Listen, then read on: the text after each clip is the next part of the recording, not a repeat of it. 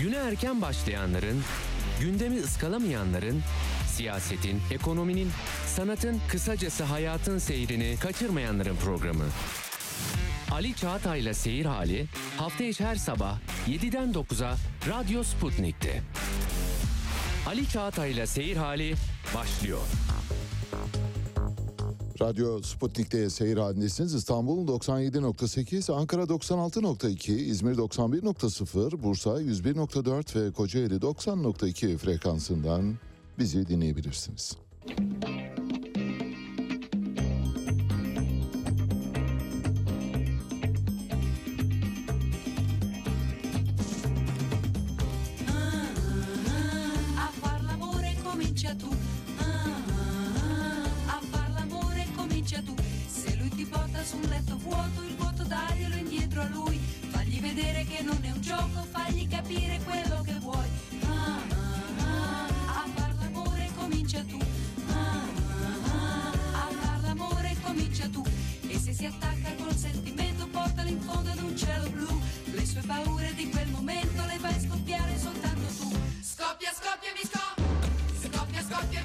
Skopje, Skopje, vi ska Skopje, Skopje, vi ska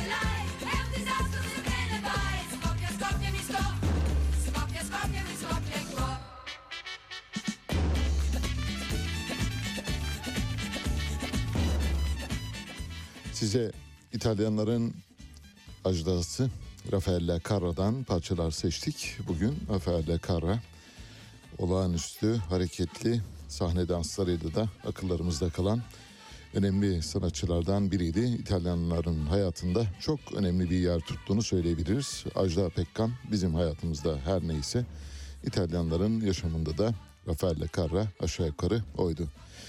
Kendisini 2021 yılında kaybettik. 78 yaşında öldü. Tam adı Raffaella Roberto Pelloni.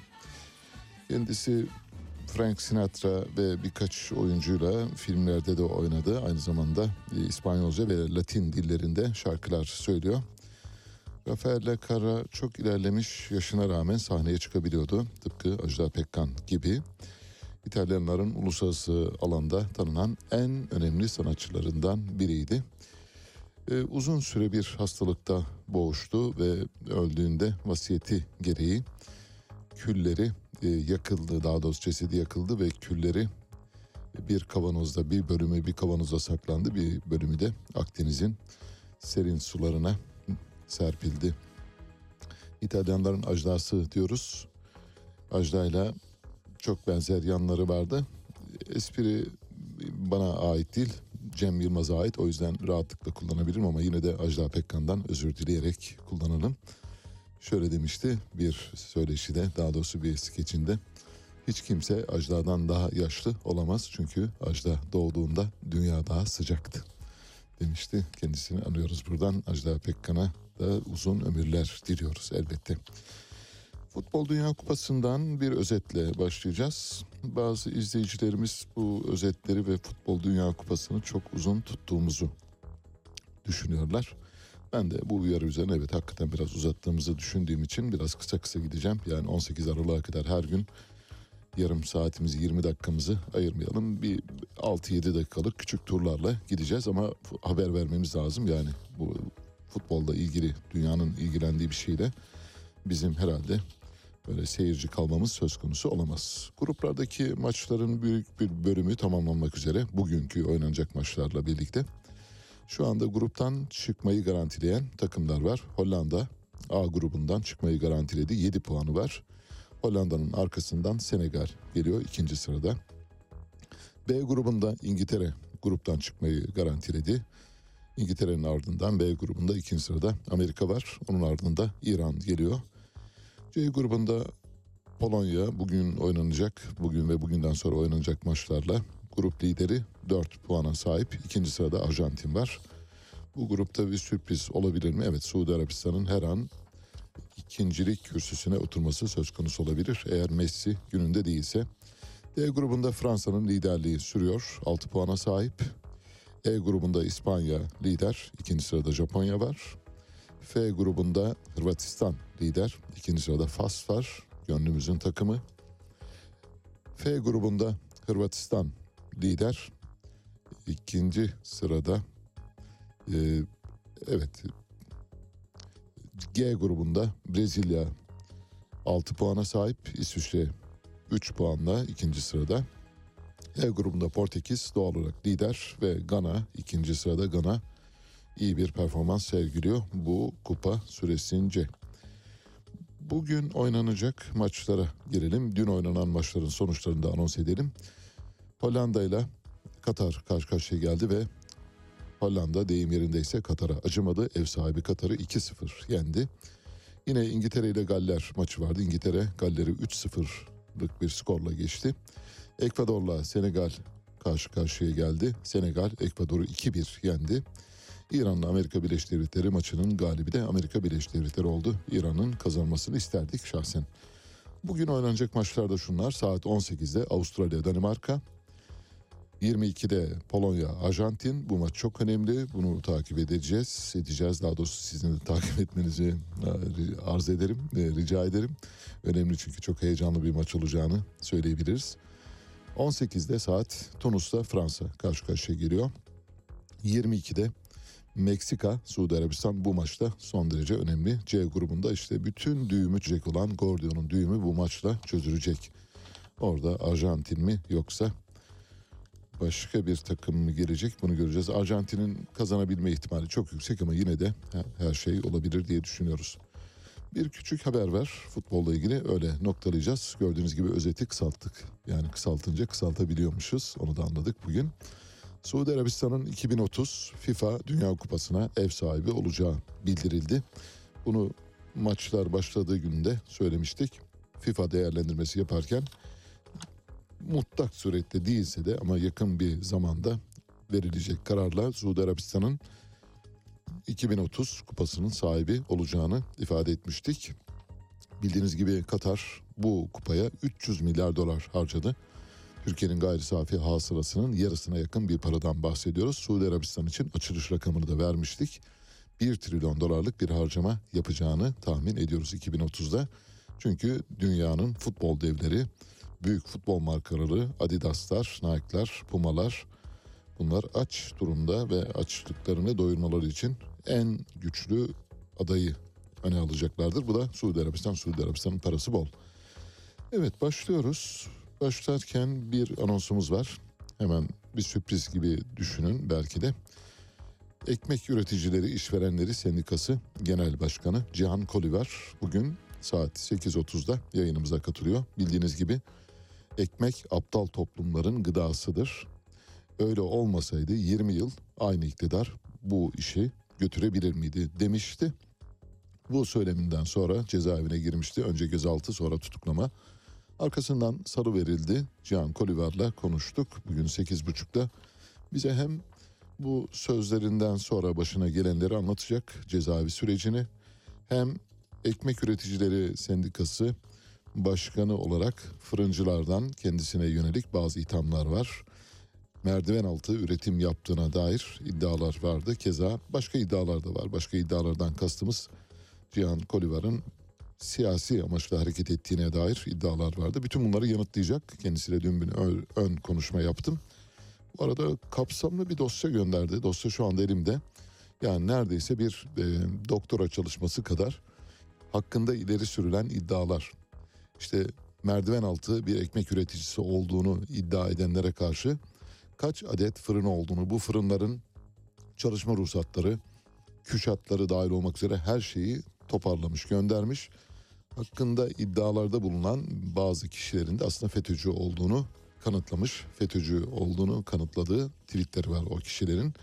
Kendisini savunabilmek için müthiş bir dosya hazırlamış. Bu dosyası şu anda elimizde kendisiyle konuşacağız elbette. Tabii Cihan Koliver e, neden gündemimizde ve neden bu kadar önemli derseniz çok basit. Cihan Koliver şu anda Aysun Kayacı'nın dişi e, e, erek, eril versiyonunu temsil ediyor ve hayatımızda bir böyle hafif Platoncu yaklaşımla ele alıyor. Yani benim benim oyum dağdaki çobanın oyuyla bir midir diye Platonist bir ya da plutokrasinin bir gereğini yerine getiren söylemi var. Bu söylemini kullanacağız elbette konuşacağız. Tekirdağ'ın Çerkezköy ilçesinde bir devlet hastanesinde sahte doktorluk yaptığı ortaya çıkınca gözaltına alınan ve şu anda sorgusu da devam eden doktor Ayşem ile ilgili gelişmeler devam ediyor. Doktor o kadar işi ileri götürmüş ki bir fotoğraf çıktı. Bugünlerde tabii bunların arka arkaya çıkacağını tahmin edebiliyorsunuz.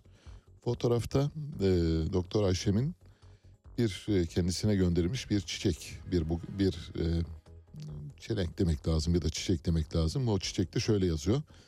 Çapa'nın gururu seni seviyoruz. İyi ki doğdun Doktor Ayşem diye Çapa çalışanlar adına gönderilmiş bir çelenk var. O kadar hesaplı çalışmış ki, o kadar hesap kitap yapmış ki hiçbir şeyi açıkta bırakmamış. Bu planlı şizofrenik bir kafanın ürünü aslında öyle düşünmek lazım. Bakalım nereye doğru gidecek. Günün sözü Rahel adında bir e, Twitter fenomeni var. Ben kendisini takip ediyorum. Şöyle diyor Rahel. Doktorlar gidiyorlarsa gitsinler. Bizim bu işe gönül vermiş sahte doktorlarımız var diyor. Günün sözü olarak Rahel'i postitimize yazdık ve arkamıza astık. Aile ve Sosyal Hizmetler Bakanı Derya Yanık günün sözlerinden biri de Aile ve Sosyal Hizmetler Bakanı'na ait Derya Yanık diyor ki halkımızın ruhsal iyilik halini korumaya yönelik çalışmalar başlattık diyor. Halkımızın ruhsal iyilik halini koruma görevi eğer size kaldıysa hakikaten işimiz var. Halkın işi çok daha zor. Süleyman Soylu Birleşik Arap Emirlikleri'ne gitti. Birleşik Arap Emirlikleri Başbakan Yardımcısı ve İçişleri Bakanı olan Saif bin Zayed El Nahyan'la görüştü. Abu Dhabi'de bir araya geldi. Bir fotoğrafı var. Son derece böyle e, süklüm püklüm oturmuş tabii bir şeyhin karşısında olduğu için elbette bu oturma biçimi normal. Bunu böyle süklüm püklüm diye niteleyenler var. Ben onların e, bir tekrarı olmasın diye ifade ediyorum. Normalde tabii böyle bir oturuş. Niçin gittiği belli. Sedat Peker'in iadesiyle ilgili bir süreci konuşmak üzere gitti ancak elbette Suudi Birleşik Arap Emirlikleri'nde elinde bir koz olarak Sedat Peker'i tutacağını biliyoruz. Öyle kolay vereceklerini tahmin etmiyoruz. Hatta vermeyeceklerini tahmin ediyoruz. İki kişi istiyoruz şu anda dünyada. Bir tanesi Levent Göktaş Bulgaristan'da, öteki Sedat Peker Birleşik Arap Emirlikleri'nde. Levent Göktaş'ı biz istiyoruz, Bulgarlar vermiyor.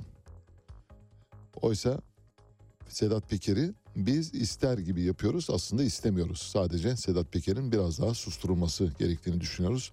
Levent Göktaş Türkiye'ye verildiği takdirde konuşabilir ve pek çok karanlık olay aydınlığa kavuşabilir ancak Bulgaristan öncelikli olarak Amerika Birleşik Devletleri patronu Amerika Birleşik Devletleri'ne sormadan Levent Göktaş'ı Türkiye'ye vermeyecektir. Bir pazarlık dönecektir. Bu pazarlıktan sonra belki olabilir.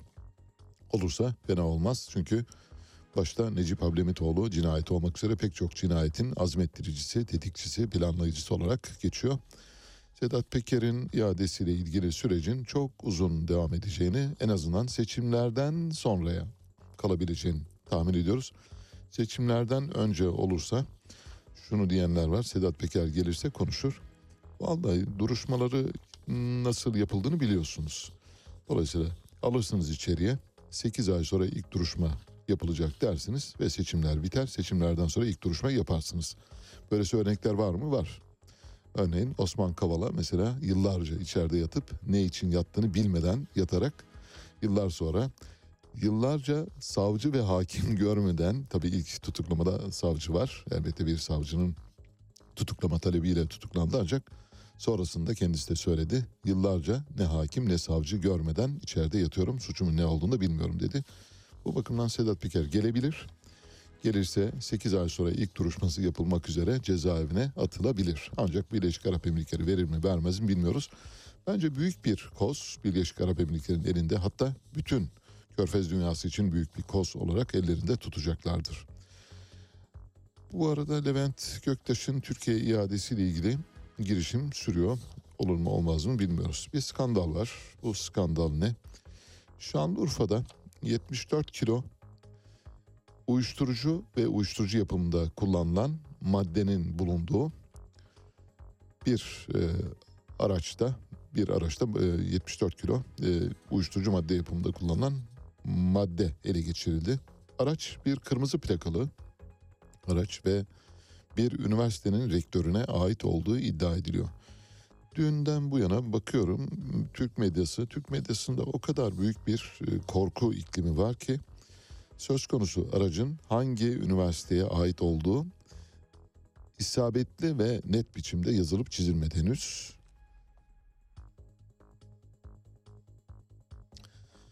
Bir özel üniversite deniyor. Bir özel üniversitenin Koç Üniversitesi olabileceği ifade ediliyor. Bir başka iddiaya göre de Yıldız Teknik Üniversitesi olabileceği iddia ediliyor. Aracın plakası da 34 AA 008. Ancak bir başka polis kayıtlarında ise başka bir araçtan bahsediliyor. 34 EYJ 640 plakalı araçtan bahsediliyor. İki plaka var, iki araç var. Hangisi olduğu belli değil, hangi üniversite olduğu da ayrıca belli değil. Araçta 53 kilo skank, esrar eroin yapımında kullanılan bir e, madde. Ayrıca 21 kiloda toz esrar ele geçirildi. Şu anda soruşturma sürüyor. Herhangi bir açıklama yok. Bir sarahat kesbetmiş değil olay. Eski deyimle söylemek gerekirse yani açıklık kazanan bir durum yok şu an itibariyle. Eğer Koç Üniversitesi'ne aitse tabii rektöre ait olmadığını tahmin edebiliriz. Muhtemelen şoför ya da ko- koruma görevlilerinden birinin hadi şu işi yapalım diye bir işe giriştikleri aracın Şanlıurfa'da olması da çok enteresan. Tabii Suriye'den gelen bir uyuşturucudan bahsediyoruz.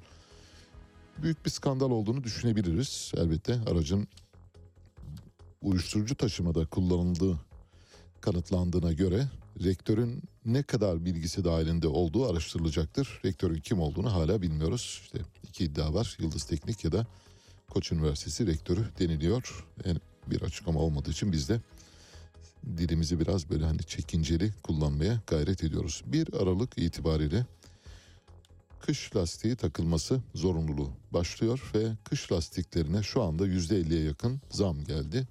Hayırlı uğurlu olsun diyelim kış lastikleri. Bu yıl kış lastiği denetiminin çok fazla yapılacağını düşünüyorum. Neden? Neden Onurcuğum? Neden mesela? Bravo. Çok büyük adamsın ya. Yemin ederim. Senin büyüklüğüne her geçen gün daha fazla takdir ediyorum. Para lazım dedi Onur. Kime lazım? Hükümete lazım. Hükümet para arıyor. Hükümetin paraya çok ihtiyacı var. Bu durumda her araç yani Türkiye'deki bütün araçlara tabii hepsine takılmayacaktır. Muhtemelen pek çoğu kaçak göçek idare edecektir ama bütün araçların kış lastiğine müracaat etmesi durumunda lastik satışları patlayacak. Tamircilerde iş artacak ve bu bir canlanma yaratacak. Aralık ayının başından itibaren yılın son çeyreğinde küçük de olsa büyümeye bir katkı sunacak. Sadece bu değil bir de trafik polisleri fellik fellik karakol karakol yol kesme yaparak ceza kesecekler. O cezadan da vergi gelirleri ve cezalardan da büyük bir gelir elde ediliyor biliyorsunuz bütçeye. Bir de oradan gelecek para lazım. Evet hem lastiklerden hem cezalardan hem tamircilerden gelecek olan hasılayla bü- büyümenin bir miktar daha yukarı doğru gitmesi hedefleniyor. İtalyan devlet televizyonu RAI'ye bir mülakat veren Su- Suriye Devlet Başkanı Beşar Esad şöyle dedi. Gelecekte Cumhurbaşkanı Recep Tayyip Erdoğan'la görüşebilir misiniz dediler. Şöyle dedi bir gün bunu yapmak zorunda kalırsam bundan gurur duymam. Bu türden fırsatçı İslamcılarla iş yapmaktan tiksinirim. Mesele benim duygularım değil. Suriye'nin çıkarları. Bu yüzden çıkarlarımız nereye gitmemi gerektirirse oraya giderim dedi. 2008'de kardeşim Esad olsa İsrail'i Kudüs'ün başkenti yapmayı rüyasında görebilir miydi acaba diye sormak lazım.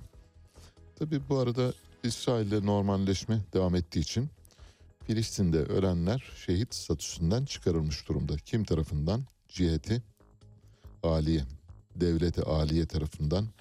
Eskiden Filistin'de herhangi bir kişinin başına en ufak bir olay geldiğinde yer yerinden oynardı. Nümayişler yapılırdı, İstiklal Caddesi kapatılırdı. İHH başta olmak üzere pek çok kuruluş yürüyüş yapardı ve polis de bu yürüyüşlere nezaret ederdi. Başlarına bir şey gelmesin diye. Ancak artık Filistinler öldüğüyle kalıyor. Filistinler için şehit demiyor. Kim demiyor? Cumhurbaşkanı demiyor. Örneğin geçtiğimiz günlerde İsrail askerleri tarafından açılan ateşle hayatını kaybeden 3 Filistinli için 3 Filistinli canından oldu dedi. Oysa bundan önce neydi? Şehitti. Şehitlik mertebesi bir takdir çerçevesinde yürüyen bir hikayeye dönüşmüş durumda. Abdülkadir Selvi Beşar Esad'la Cumhurbaşkanı Erdoğan arasındaki görüşmeyle ilgili olarak bir yazı kaleme aldı. Şimdi o yazıdan tırnak içi çok kısa bir bölümünü aktaracağım. Sonra da kendi yorumumu ilave edeceğim buna. Şöyle diyor Cumhurbaşkanı Erdoğan birkaç kez Esed'le de görüşebileceğini açıklamıştı. Bu arada Abdülkadir Selvi henüz Esed'de kaldı. Esad'a dönmedi. Cumhurbaşkanı bile Esad demeye başladı ayrıca. Belirtelim Abdülkadir Selvi yanlış yolda yürüyorsunuz. Hemen düzeltme gereğini duyacaktır diye düşünüyoruz. İki lideri bir araya getirmek için arka kapı diplomasisi yürütülüyor. Sanıyorum uzun olmayan bir süreç içinde bu görüşme gerçekleşecek. Erdoğan bundan sonraki süreçte nasıl Mısır'la bu iş yoluna girdiyse cümle berbat bu arada. Aynı şekilde Suriye ile de bu iş yoluna girebilir. Siyasette küslük olmaz diyerek diyalog kapısını açık tuttu. Abdülkadir Selvi, Cumhurbaşkanı Erdoğan zaten bir süredir Esed'le görüşebileceğini ifade ediyor. Görüşme öncesinde bazı başlıklar müzakere ediliyor ama bu arada Esed'in bazı zorlukları olduğu anlaşılıyor. Bunun başında da Esed'in Erdoğan'la görüşmeye kendisini hazır hissetmemesi geliyor. Demek ki aslında Esad görüşmek istiyor fakat kendini hazır hissetmiyor. Esed'in ruh sağlığı buna uygun değil diye. Öyle bir şey yok. Esad çok açık biçimde söyledi. Bu tür siyasal İslamcılardan tiksiniyorum dedi. Biraz önce paylaştım. Dolayısıyla onlarla aynı yolu yürümem dedi. Bir gün görüşmek zorunda kalabilirim. Evet görüşürüm ama onlarla görüşmem şu anlama gelmez. Onları onayladığım anlamına gelmez. Onlardan tiksiniyorum diyor. Çok açık biçimde söylüyor. Abdülkadir Selvi tabii çam devirmekte üstüne yok.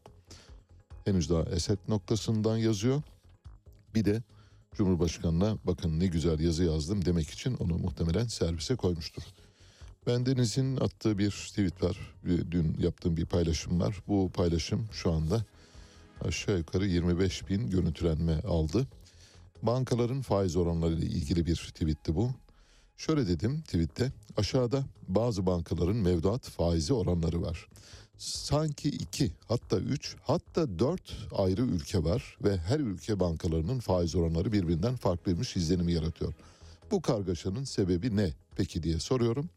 Merkez Bankası'nın en az yüzde elli TL mevduat dayatmasıdır diyorum. Çok çetrefil işler diye noktaladım. Bildiğiniz gibi Akbank'ın tüm bankaları okumayacağım. Akbank'ın faiz oranı en fazla, en yüksek faiz veren banka Sabancıların Akbank'ı %24.50 TL mevduata verdikleri faiz. En düşük faizi de büyük bankalardan bahsediyoruz. Sistemde 50'ye yakın banka var. 6 bankadan bahsediyoruz. En düşük faizi veren büyük bankalardan biri de İş Bankası o da 15.30. Bu tablodan ne sonuç çıkar? Şu sonuç çıkar. Yüksek faiz veren bankaların paraya ihtiyacı var. Durumları çok iyi değil. Dolayısıyla durumlarını düzeltmek için her ne pahasına olursa olsun yüksek faiz vererek mevduat toplamaya çalışıyorlar. Paraya çok ihtiyaçları var. Tıpkı hükümetin kış lastikleri uygulamasıyla parayı toplama girişiminde olduğu gibi. Diğer bankalar da yüksek faiz veriyor ancak hiçbiri Akbank kadar değil. Akbank'ta durumun çok iç açıcı olmadığı belli. Vakıfbank %24 faiz veriyor. Yapı Kredi 20, Halkbank 19, HSBC 18, İş Bankası 15-30. Şimdi İş Bankası neden düşük faiz veriyor? Paramızı neden İş Bankası'na yatıramıyoruz diye soranlar var. Vallahi bu açık bir arena. Seçim sizin. İsterseniz yüksek faiz veren bankaya gidin.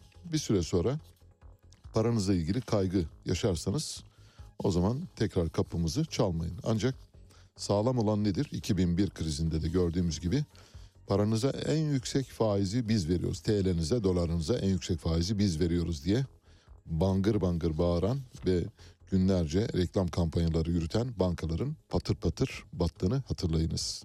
Elbette bu ortamda bankaların batabileceğinden bahsetmiyoruz. Böyle bir şey söz konusu bile değil. ihtimal dışı. Fakat paraya çok ihtiyacı olan banka mı yani yüksek faiz veren banka mı düşük faiz eğer kendinize güveniyorsanız yani bir şeyiniz de yoksa çok acil bir ihtiyacınız da yoksa düşük faiz veren bankayı tercih etmenizde fayda var. Aklın yolu bir. Yüksek faiz ne derler? Bedava peynir yalnızca fare kapanında olur. Başka yerde olmaz. Önemli bir haber var. Bunu paylaşacağız şimdi. İstanbul Üniversitesi Siyasal Bilgiler Fakültesinde bir öğretim üyesi. Aynı zamanda yönetici kendisi.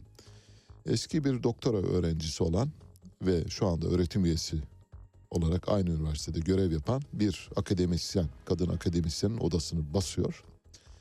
Benim olacaksın, benimle evleneceksin yoksa seni işsiz bırakırım diyor. Bunun üzerine şikayetçi olundu ve gözaltına alındı. Gözaltına alındıktan sonra serbest bırakıldı. Bülent Arı, Profesör Bülent Arı. Bülent Arı'nın bir ses kaydını dinleteceğim size. Önce bir dinleyelim. Bülent Arı ile ilgili sonra diğer bilgileri vereceğiz. Benim e, bakış açım her zaman şöyledir. E, Bunu açıkça televizyonda söylemeye e, beis yok. Ben daha çok cahil ve okumamış tahsilsiz kesimin firasetine güveniyorum bu ülkede. Evet. Yani ülkeyi ayakta tutacak olanlar okumamış, hatta ilkokul bile okumamış, çok üniversite şey. okumamış. Yani cahil halkın firasetine ben güveniyorum. Evet. Onlar Hocam, bu yanlışların hiçbirini yapmazlar. E, Yani o beyannamenin ben neresinden tutayım? hocam çok ilginç bir şey söylediniz. Şimdi e, o zaman Türkiye'nin okumuş kesiminde ya da aydın dediğimiz kesiminde mi bir problem var? Yani Türkiye'yi girdi- ateşe sürükleyen Evet. o kesim mi? Evet her zaman olduğu gibi daha önceki John Türklerin yaptığı gibi ateşe sürüklüyor. Yani Türkiye'nin okumuş kesimi yani profesörden başlayarak geriye Evet. doğru en tehlikeli olanlar üniversite mensupları. Ondan gerisi lise ve ilkokul mezunları en güvenlikli olanlar onlar. Okuyan olayları en rahat okuyanlar çünkü zihinleri berrak. Zihni berrak olduğu için ilkokul mezunları en zihri berrak olandır. Ortaokul, Evet. lise okudukça onlar daha iyidir. Üniversite ve sonrası durum çok vahim. Evet, Çünkü gidişatı daha iyi okuyamıyorlar. Zihinleri bulanık. Evet, son derece açık. Biz fakirlerin iktidarıyız. Dolayısıyla fakirlerin iktidarına güvenmek zorundayız diyor. Daha doğrusu az bilen, çok konuşan ama hiçbir şey bilmeyen kesimlerin iktidarına dayanmak gerektiğini söylüyor. Bu bir e, tez bildiğiniz gibi. Etienne de la Bottine'in, e, Rönesans yazarlarından Etienne de la Bottine'in tezi budur. Gönüllü kulluk üzerine. Gönüllü kulluk üzerine de diyor ki Etienne de la Botti, Machiavelli'nin antitezi aynı zamanda bildiğiniz gibi. Eğer bu kadar çok insan tek bir insandan korkmamış olsaydı bugün başımıza bunlar gelmezdi demek istiyor. Diktatörlerin, totaliter idarecilerin iş başında kalmalarının korkuya dayalı olduğunu ifade ediyor. Korkudan dolayı. Burada tabii Bülent Arı meseleyi başka okuma yazma boyutuna getiriyor. Bu korkudur ve bağımlılıktır. Korkuyorsanız, bağımlıysanız, açsanız elbette size emredilen her şeyi yapmak zorundasınız. Ancak bu tabii bir gaflet. Bir defa okumamışların iktidarına, okumamışlara dayalı bir iktidarı savunarak aslında insanlığın gelişimine de aykırı bir şey söylüyor. Bülent Arı işte biraz önce sözüne ettiğimiz bir akademisyeni taciz eden ve benimle evlenmek zorundasın ve benimle evlenmezsen seni işsiz bırakırım diye tehdit eden gözaltına alınan sonra da serbest bırakılan öğretim üyesi. Olağanüstü bir akademik geçmişi var. Başarılı sayılabilecek bir akademik geçmişi olduğunu söyleyebiliriz ama hani ne diyor? Ben sana vali ol, olamazsın demedim ki diyor. Ben sana adam olamazsın dedim diyor babası çocuğuna yıllar sonra. Bülent Arı Hollanda Leiden Üniversitesi'den doktoralı. Leiden Üniversitesi'ne girmek öyle kolay değil. Hani bir kapıdan girersiniz arka kapıdan ceset olarak çıkarsınız. O kadar zordur o üniversiteden mezun olmak ama böyle bir yerden mezun olmuş. Arkasından Bilkent Üniversitesi tarih bölümünde öğretim üyeliği yapmış. Bürokrasi geçmişi var. OECD Ulaştırma Bakanları Avrupa Konferansı teşkilatında sorumluluğu var. TÜBİTAK Uluslararası Daire Başkanlığı'nda NATO, UNDP, OECD, ECO gibi milletler arası teşkilatların yanı sıra TÜBİTAK'la ilişkiler konusunda Arnavutluk, Macaristan e, ve Sovyetler Birliği heyetleri döneminde NATO için istikrar komitelerinde bulunmuş ve buralarda görev yapmış. Çankaya Üniversitesi'nde Uluslararası İlişkiler Bölümü öğretim üyesiydi daha önce 2007'de. Sonra Dolmabahçe Sarayı müdürü oldu. Burada heyecanlı an başlıyor. Dikkat ediniz lütfen. Dolmabahçe Sarayı deyince aklınıza kim geliyor? İlber Ortaylı değil mi? Mesela İlber Ortaylı'yla bir kesişmişliği olabilir mi? Yolları kesişmiş olabilir mi? Evet olmuş. İstanbul Sabahattin Zaim Üniversitesi'nin rektör yardımcısı. 2016'dan bu yana YÖK Denetleme Kurulu üyesi ve kendisi doktora hocası kim? Halil İnalcık. Halil İnalcık aynı zamanda İlber Ortaylı'nın hocası, hocaların hocası. Halil İnalcık'tan ders alıp İlber Ortaylı'yla aynı sahneyi, aynı amfiyi paylaşıp sonra da gelip böylesine müptezel işler yapabiliyorsanız hiçbir şey bilmiyorsunuz demektir. Hiç okumamışsınız, hiç uygarlaşmamışsınız, hiç yol almamışsınız. Okuduklarınız zaten size kalmış. Zaten zihninizin geri planındaki pek çok şey size ele veriyor. Okumamışların iktidarına dayanmak gerektiğini söylüyorsunuz. Yığınların sefilleştirilmiş, yoksullaştırmış yığınların iktidarına dayanarak iktidarların kalıcı olabileceği tezini işliyor ki bu temel itibariyle, esas itibariyle hem uygarlık teorisine aykırı hem günümüz demokratik değerlerine aykırı. Cahilleri, yoksulları, aç insanları kendinize mecbur kılarak onların iktidarına dayanarak yıllarca iktidarı sürdürebilirsiniz diyebilecek kadar densiz bir öğretim üyesinden bahsediyoruz. Ancak bir koruma altında olduğu belli. Küçük bir yumuşatma yapalım mı Onurcuğum? Şimdi futbol maçlarını izliyoruz. Biliyorsunuz TRT orada boy gösteriyor. TRT spikerleriyle ilgili kimi şikayetler var. Bu şikayetleri çok abartmamak lazım. Evet yanılabilirler, zaman zaman yanlış şeyler söyleyebilirler. Fakat bazı TRT spikerlerinin hakikaten maç anlatırken isimleri karıştırmaları ya da hatalı okuma yapmaları ya da aynı şeyleri tekrar ederek maç anlatmaya çalışmaları biraz biraz insanın kulağını tırmalıyor, insanların kulağını tırmalıyor. Demek ki TRT'de bir kalite erozyonu var. TRT eski TRT değil, TRT artık bir arpalık okuluna dönüşmüş durumda. Yoksa normal şartlarda uluslararası organizasyonlarda bize hep en iyiler temsil ederdi. En iyi spikerler, en iyi sunucular, en iyi yönetmenler, en iyi ses teknisyenleri onlar giderdi. TRT'nin elindeki malzeme muhtemelen buna el vermediği için maalesef bu tür yanlışlar oluyor. Ben çok büyük yanlışlar yaptıklarını düşünmüyorum ama daha nitelikli bir kadroyla gidilebilirdi. Daha nitelikli bir kadro ellerinde olmadığı için gidilememiş olabilir ya da daha nitelikli kadrolara yer vermemiş olabilirler. Çünkü e, Katar'a gideceksiniz bir ay oradasınız böyle yiyorsunuz içiyorsunuz otellerde falan o muhteşem bir hayat. E, maçlara gidiyorsunuz bundan daha güzel bir hayat olabilir mi? Dinleyelim bakalım bir maç spikerleriyle ilgili bir e, küçük ironik e, skeç var. Tahsin Hasoğlu. Ve dev mücadele başlıyor. Maçın başına 45 dakika eklendi. Müthiş bir atak. Jimenez'den Jimenez'e. Şu kim? Şu kim? İkinci. Tekrar Jimenez. 3 oldu. Kim? O kim? Dur bekle de gitsin topundan gitsin. Ondan adaşı Jimenez'e. Jimenez bugün çok etkili orta sahada. Her yerde maçın her sahanın her yerine basmadık yer bırakmıyor. Şşş, soldakini tanıyor musun? Soldakini soldakini. Na- nasıl söyleniyor? Bernard, Bernardinho. Ondan adaşı Cilerme'ye. Şimdi notlarıma baktığımda topla oynama %78'e %21. %1 kim? Vatan Partisi mi? O niye? Şimdi Barbaros Hayrettin'i gördü. Tim Burton müthiş sıyrıldama yatarak kayarak müdahale. Bu arada rejimiz seyircilerden enstanteleri gösteren enstante. Bir saniye enstan. Evet Ronaldo da maçı izleyenler arasında. Yanındaki kim? Kim o? Maçın böyle bitmesi durumunda iki takım da iki maç yapmış olacak. Nunez. Müthiş bir maç. Heyecan dorukta. Top bir o kalede bir bu kalede. Bu arada sevilen dizi Breaking Bad bitti. Evet çok yerinde. Maçın sonunda iki takım da iki maç yapmış olacak diyor. Dolayısıyla aynı isimleri tekrarlayarak falan maçı anlatmaya çalışıyor. Hoş bir e, ironik bir skeç aslında Tahsin Hasoğlu'na bu e, çalışması için teşekkür ediyoruz.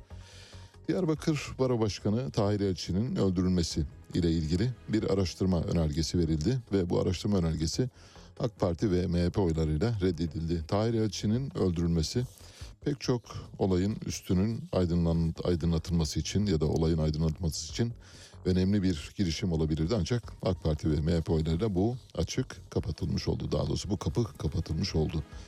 Türkiye'nin dış ticaret rakamları dün açıklandı ve dış ticaret açığı 7.9 milyar dolar oldu.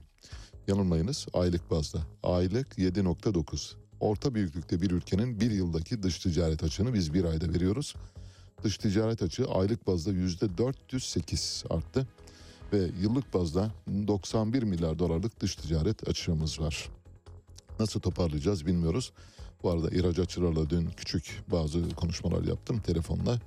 Hepsi ihracatta kazık frenin başladığını söylediler. Herkes şu anda el freni çekti ve duruyor dediler. Araçlar spin atıyor olduğu yerde. Siz o araçların hareketine bakmayın dediler. Yılın ilk 6 ayı çok iyi geçti fakat sonraki 6 ay çok kötü geçiyor. İhracat neredeyse durma noktasına gelmiş vaziyette. İşte bu yüzden kış lastiği, yaz lastiği ve benzeri şeyler ve bu arada yaz saati uygulamasıyla biz sabahın köründe, gece karanlıkta, zifiri karanlıkta işlerimize gidip geliyoruz. Çocuklar okula gidip gelmek zorunda kalıyorlar. Bunlar da bildiğiniz gibi yaz saati uygulaması neyin eseri? Yaz saati ya da elektrik kullanımı ile ilgili. Elektrik tüketimi büyümenin bileşenlerinden biridir. Ne kadar çok elektrik tüketirseniz büyümeye o kadar katkı sunarsınız.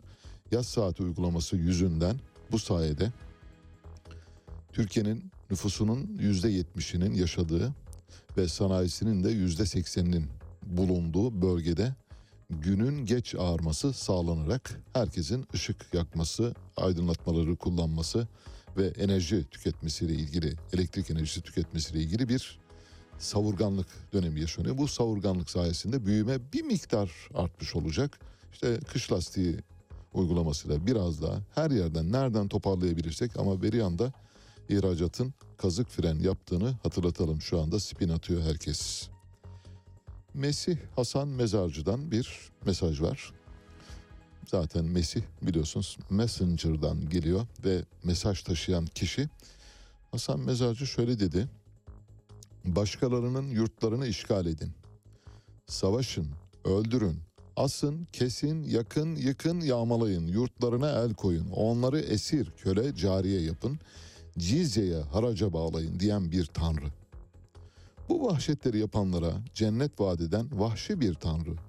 Bu nasıl bir tanrı ve din öğretisi diyor. Vallahi size bir şey söyleyeyim mi? Hasan Mezarcı hakikaten böyle çok damardan ve yürekten yazıyor. Dolayısıyla bir numaralı Mesih ünvanını koruması için kendisine destek vermeye devam ediyoruz. Biliyorsunuz bizim listemizde bir dörtlü Mesih listemiz var. Bir numarada Hasan Mezarcı asla yeri doldurulamaz, değişmedi. Yıllar geçse belki değişebilir. İki numarada Adnan Oktar var. Şu anda binlerce yıla hükümlü olarak cezaevinde yatıyor. Üç numarada Polat Alemdar var. Necati Şaşmaz, Kurtlar Vadisi'nin büyük aktörü. 997 bölüm çekiyor. Çektikleri de biliyorsunuz Kurtlar Vadisi'ni.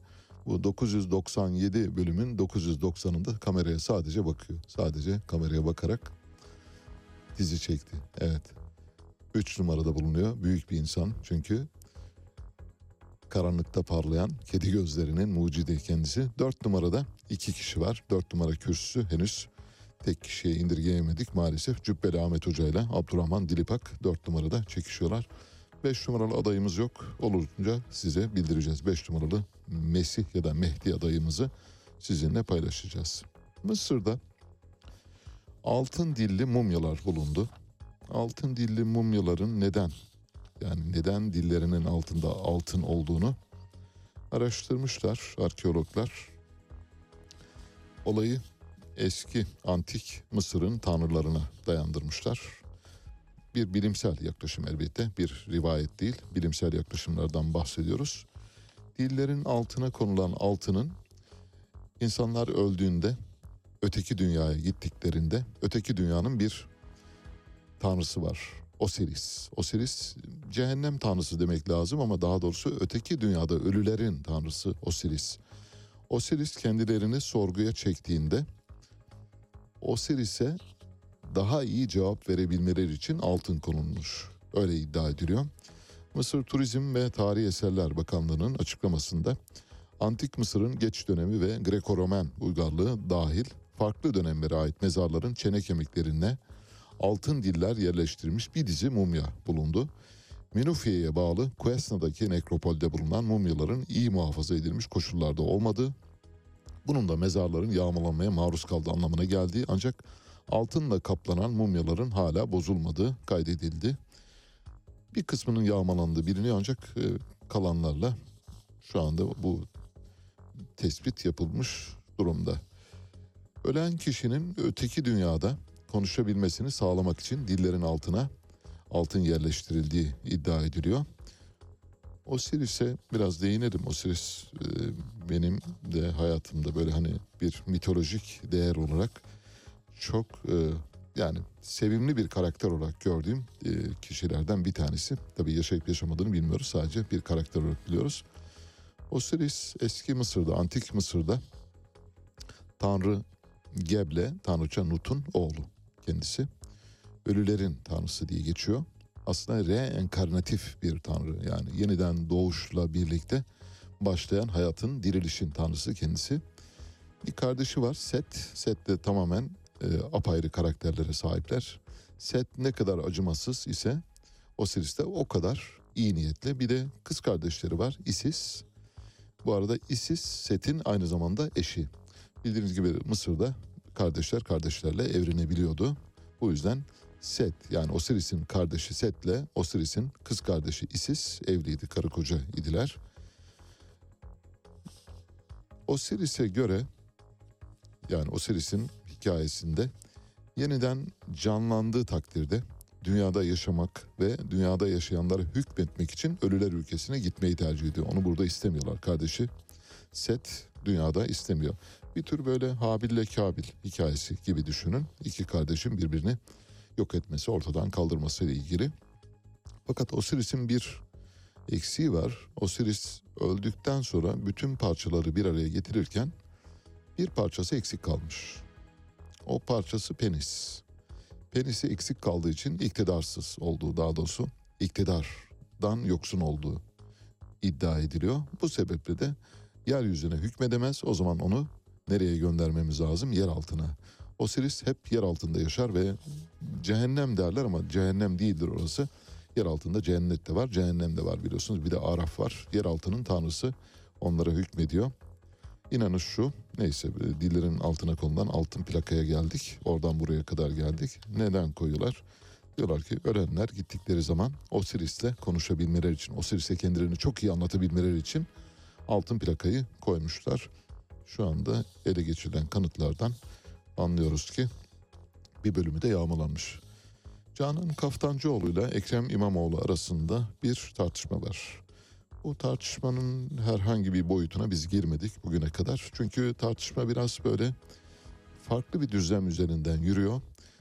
Ekrem İmamoğlu Canan Kaftancıoğlu için bunları söyledi mi? Canan Kaftancıoğlu Ekrem İmamoğlu için bu ağza alınmayacak şeyleri dile getirdi mi gibi epey bir tartışma var. Onlara girmiyoruz. Fakat hani hangisi daha tercih edilebilir derseniz siz hangisini tercih edersiniz Onurcuğum? Yani mesela ikisinden birinin e, Cumhurbaşkanı adayı olması halinde ya da hani bir adaylık söz konusu olduğunda hangisini tercih edersin? Bravo. Aynen ben de öyle. Doruk sanıyorum bizimle aynı görüşte değilse bile onu aynı görüşe çekelim. Onun Evet ben de mesela hani şöyle söyleyeyim. İki kişi arasında bir tercih yapmam gerekirse Ekrem İmamoğlu mu Canan Kaftancıoğlu mu derseniz bin kere Canan Kaftancıoğlu derim. Bin kere. Bir milyon kere. On yüz bin milyon kere Canan Kaftancıoğlu diyebilirim. Çok daha dürüst bir siyasetçi bir defa. Ankara Büyükşehir Belediyesi üniversite öğrencilerine günlük 4 çeşit sıcak yemek ikramında bulunmaya devam ediyor. Yemek ikramının yapıldığı noktaların sayısı ODTÜ'nün de eklenmesiyle 5'e çıktı. Yemekle ilgili bildiğiniz gibi bizim bir talebimiz var. Radyo Sputnik olarak benim, Onur'un ve Doruk'un talebi. Biz diyoruz ki üniversite öğrencilerine yemek vermeyiniz. İlkokul çocuklarına bir kumanya veriniz. Yarım litre süt, bir yumurta ya da bir dilim peynir ve bir dilim ekmekten oluşan bir kumanya veririz. Çünkü çocuklar aç. Fakat ısrarla belediyeler İzmir Büyükşehir Belediyesi de dahil olmak üzere, İstanbul'da dahil olmak üzere, Ankara'da dahil olmak üzere, Antalya'da dahil olmak üzere Cumhuriyet Halk Partili belediyelerden bahsediyorum. Hepsi üniversite öğrencilerine veriyor. Çünkü onlar seçmen. Seçme yaşındalar, oy verecekler. Onları avlamak için yapılıyor.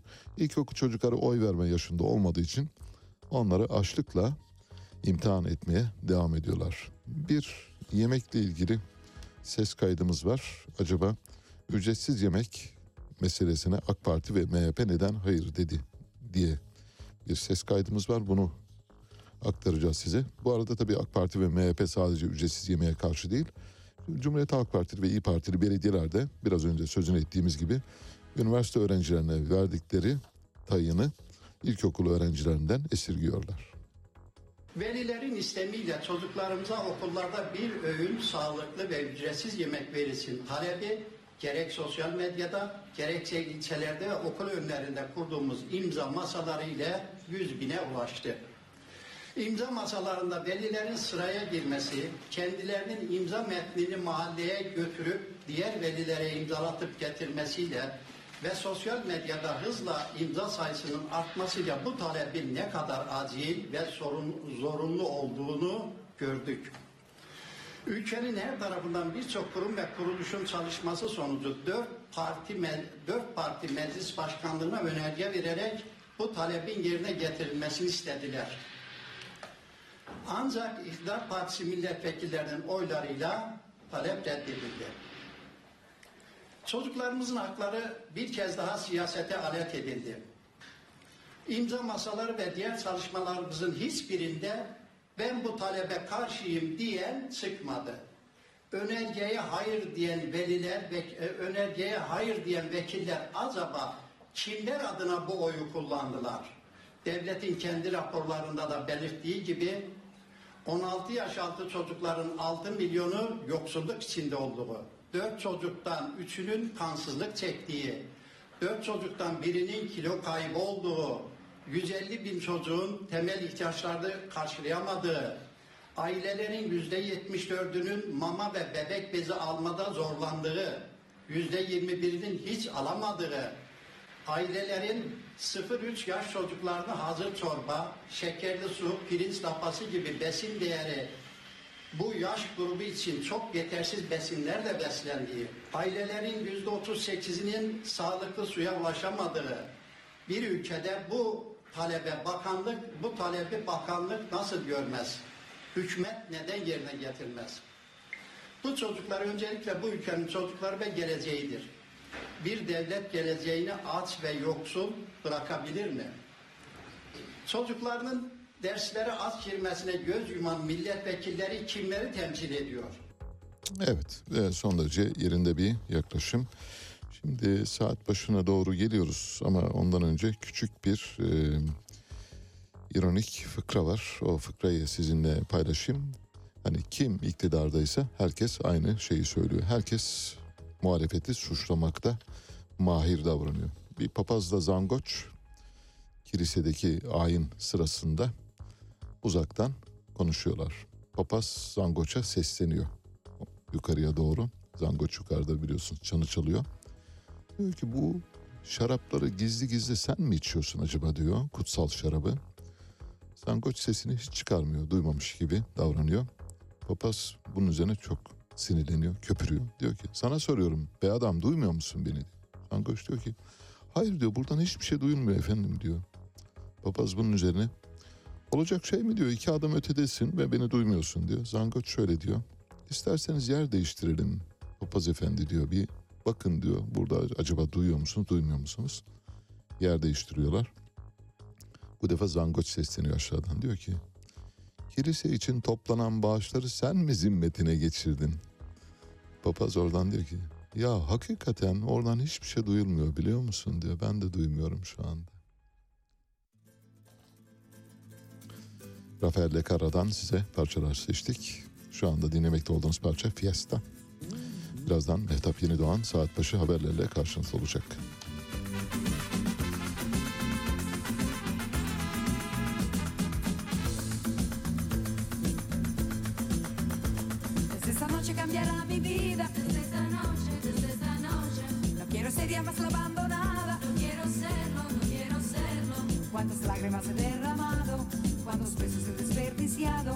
Decía que era culpa mía, que anulaba yo su libertad. Yo le dije, si no estás tú, ¿qué voy a hacer si no estás tú? Y he sabido que es peligroso decir siempre la verdad. Si un día te has sentido enamorada, no, no digas que le quieres, cállalo. Yo le dije, si no estás tú, ¿qué voy a hacer si no estás tú? Y he sabido que es peligroso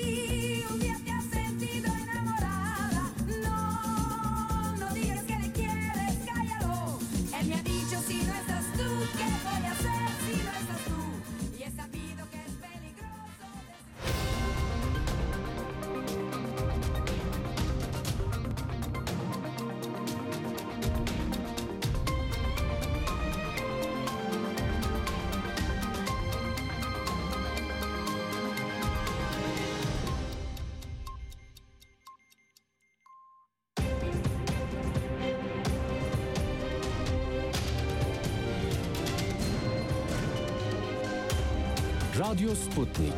Anlatılmayanları anlatıyoruz. Saat 8 İstanbul stüdyolarından gündemden gelişmeleri aktarıyoruz. Ben Mehtap Yeni Doğan. Önce özetler. TOKİ İstanbul çekilişi bugün. Türkiye, İsveç, Finlandiya arasında kritik zirve gerçekleşti. Dünya Kupası son 16 turunda ilk eşleşmeler belli oldu. Ayrıntılar birazdan.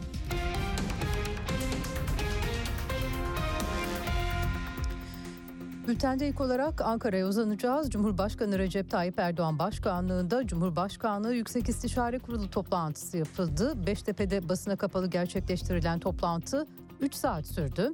Toplantı sonrası İletişim Başkanı Fahrettin Altun yazılı açıklama yaptı. Altun toplantıda Türkiye Yüzyılı vizyonu ve 2023 seçimlerine ilişkin istişarelerde bulunuldu. Bu çerçevede kurul üyeleri değerlendirme ve tekliflerini dile getirdi. Türkiye'nin son 20 yılda Cumhuriyet tarihinin en istikrarlı siyasi dönemini yaşadığına dikkat çeken kurul üyeleri 2023 yılında yapılacak seçimlerin önemine işaret etti dedi. TOKİ İlk Evim İlk İş Yerim projesi kapsamında kura çekimleri devam ediyor. 7-28 Kasım arasında 23 ilde 50.302 konutun hak sahibi belli oldu. Bugünse gözler İstanbul'da Tuzla için kura çekilişi saat 11'de yapılacak. Tuzla'daki 508 konutun hak sahibi belli olacak. Kamudaki sözleşmeli personelin kadroya geçmesine yönelik düzenleme tamamlandı. Kamuda 3 yıl çalışıp 1 yıl aday memur olanlar kadroya geçecek. Çalışma ve Sosyal Güvenlik Bakanlığı kadroya alım esaslarını belirledi. Buna göre 4B kapsamında görev yapan 197 bin sözleşmeli personel süre aranmaksızın hemen kadroya geçirilecek. Sayıları 227 bin olan ve 3 artı 1 modeline göre istihdam edilen sözleşmeli öğretmenler, sağlık personeli ve din görevlileri de süre aranmaksızın kadro alacak. Bu kapsamda olan sözleşmeli personelin kadroya geçirilmesi isteğe bağlı olacak. Kadroya geçmek istemeyenlerin hakları görevleri sona erene kadar korunacak. 4 yıldan daha az hizmeti bulunanlar bu süreyi doldurduktan sonra kurum içi veya kurumlar arası naklini yaptırabilecek. Kamudaki yaklaşık 520 bin sözleşmeli personelden 424 bin memur kadrolarına atanabilecek. Peki hangi kadrolar bu kapsamda değil? Sözleşmeli olarak istihdam edilenlerden kısmi zamanlı ve proje bazlı çalışanlar, yabancı uyruklular, askeri personel, akademik personel, kit personeli, sanatçılar, meclis danışan, meclis danışmanları, Sağlık Bakanlığı yöneticileri kadroya geçiş kapsamı dışında kalacak. Personelinin tamamı sözleşmeli olan kurumlarda çalışanlar da kadroya alınmayacak. Yeni istihdam edilecek sözleşmeli personel konusundaysa bir değişikliğe hazırlanılıyor. Kamuda 3 yıl sözleşmeli olarak görev yaptıktan sonra memur kadrolarına atanan sözleşmeli personelin bir yıl süreyle kurum içi veya kurumlar arası naklinin yapılamaması öngörülüyor. E sıradaki haber diplomasi başlığında Türkiye, İsveç, Finlandiya arasında kritik zirve gerçekleşti. Dışişleri Bakanı Mevlüt Çavuşoğlu, NATO'ya üyelik başvurusu yapan Finlandiya ve İsveç'in Dışişleri Bakanlarıyla Bükreş'te üçlü toplantıda bir araya geldi. Çavuşoğlu zirve sonrası yaptığı açıklamada üçlü muhtıra çerçevesinde atılan adımları değerlendirdik, beklentilerimizi vurguladık dedi. Katar'a uzanacağız ve 2022 Dünya Kupası'nda 10. günün notlarına bakacağız. A ve B gruplarında maçlar tamamlandı. A grubunda Hollanda ev sahibi Katar'ı 2-0, Senegal'de Ekvador'u 2-1 yendi. Bu sonuçlarla 7 puanlı Hollanda birinci, 6 puanlı Senegal ikinci olarak gruptan çıktı. 4 puanlı üçüncü olan Ekvador'la 0 puanla dördüncü sırada kalan Katar'sa kupadan elendi. B grubunda İngiltere Galler'i 3-0, Amerika Birleşik Devletleri İran'ı 1-0 yendi. Grubu İngiltere 7 puanla birinci, Amerika 5 puanla ikinci tamamladı. İran 3 puanla üçüncü, Galler de 1 puanla dördüncü olarak turnuvaya veda etti. Gruplarda ilk iki sırada yer alan takımlar son 16 turuna yükseldi. Dünya Kupası'nda ilk grup maçlarının tamamlanmasının ardından son 16 turunda ilk eşleşmelerde belli oldu. Hollanda Amerika Birleşik Devletleri ile karşı karşıya gelecek. Maç 3 Aralık günü saat 18'de oynanacak. İngiltere'de Senegal'le mücadele edecek. İki takım 4 Aralık'ta saat 22'de karşılaşacak.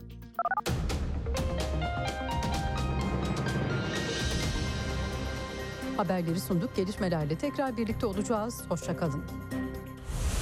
Radyo Sputnik 5 merkezden karasal yayında. İstanbul 97.8, Ankara 96.2, İzmir 91, Bursa 101.4, Kocaeli 90.2. Karasal yayınlarımızın olmadığı yerlerde tr.sputniknews.com adresinden iOS ya da Android mobil cihazınızdan Sputnik News uygulamasını indirerek dinleyebilirsiniz. Radyo Sputnik. Anlatılmayanları anlatıyoruz. Son dakika haberleri, canlı yayınlar, multimedya ve daha fazlası Sputnik Haber Ajansı'nın web sitesinde. Dünyanın küçük bir parçasını değil, tamamını anlamak istiyorsanız sputniknews.com.tr'yi tıklayın, habersiz kalmayın. Radyo Sputnik artık dünyanın en çok kullanılan sosyal ağlarından biri olan Telegram'da. Hala kullanmıyorsanız önce Telegram uygulamasını mobil cihazınıza yükleyin. Ardından Radyo Sputnik'in Telegram kanalına katılın. Canlı yayınlarımızı ve programlarımızı kaçırmayın. Anlatılmayanları anlatıyoruz. Güne erken başlayanların, gündemi ıskalamayanların, siyasetin, ekonominin, sanatın, kısacası hayatın seyrini kaçırmayanların programı. Ali Çağatay'la Seyir Hali hafta içi her sabah 7'den 9'a Radyo Sputnik'te. Yeniden birlikteyiz. Şimdi size bir ses kaydı dinleteceğiz. Biraz önce anlattığımız papazla zangoç arasındaki fıkraya uyarlı olduğu için aslında o fıkraya şuradan girmiştik. Siyasal iktidar yer değiştirdiği takdirde iktidardan düşenler muhalefetteki dönemlerinde iktidarda sergiledikleri tutumun tam aksini sergileyebiliyorlar. Yani iktidara gelince başka, muhalefetteyseniz başka. İktidardayken savunduğunuz tezlerin tamamını unutuyorsunuz. Muhalefete geçtiğiniz zaman başka tezlerin sahibi oluyorsunuz. Bugünkü siyasal iktidar muhalefete düşerse muhtemelen şu anda siyasal muhalefetin kullandığı retoriğin aynısını kullanacaktır. Bu hiç değişmiyor maalesef. Siyasetin kalitesinden kaynaklanıyor ya da kalitesizliğinden kaynaklanıyor daha doğrusunu söylemek gerekirse. Bütün ülkelerde böyle midir? Aşağı yukarı böyledir. Yanılmayınız sakın bu sadece Türkiye'ye özgü bir durum değil. İspanya'da da böyle, İngiltere'de de, Almanya'da, Fransa'da, İtalya'da her yerde böyle. Bir tek Nordik ülkeleri, İsveç, Norveç, Danimarka, Finlandiya, Brüksel, Lüksemburg gibi ülkelerde biraz daha az olmakla birlikte orada da var. Orada da siyasal iktidar gücü elinde tuttuğu vakit muhalefette savunduğu her şeyi unutabiliyor. Şimdi bugün söyleyenler dün öyle söyledi mi diye düşünüyorsanız her siyasal iktidarın yer değiştirmesinde aynı şey vardır. Bir Süleyman Demirel kaydı dinleteceğiz. Süleyman Demirel bildiğiniz gibi dün dündür, bugün bugündürün mucidi kendisi aynı zamanda. Bakın zamlarla ilgili neler söylüyor. Sonra halk hala size baba diyecek mi? Ne zam mı yapmışız ki? Zammın bizimle ne alakası var? 19 günlük hükümet ne zam mı yapsın?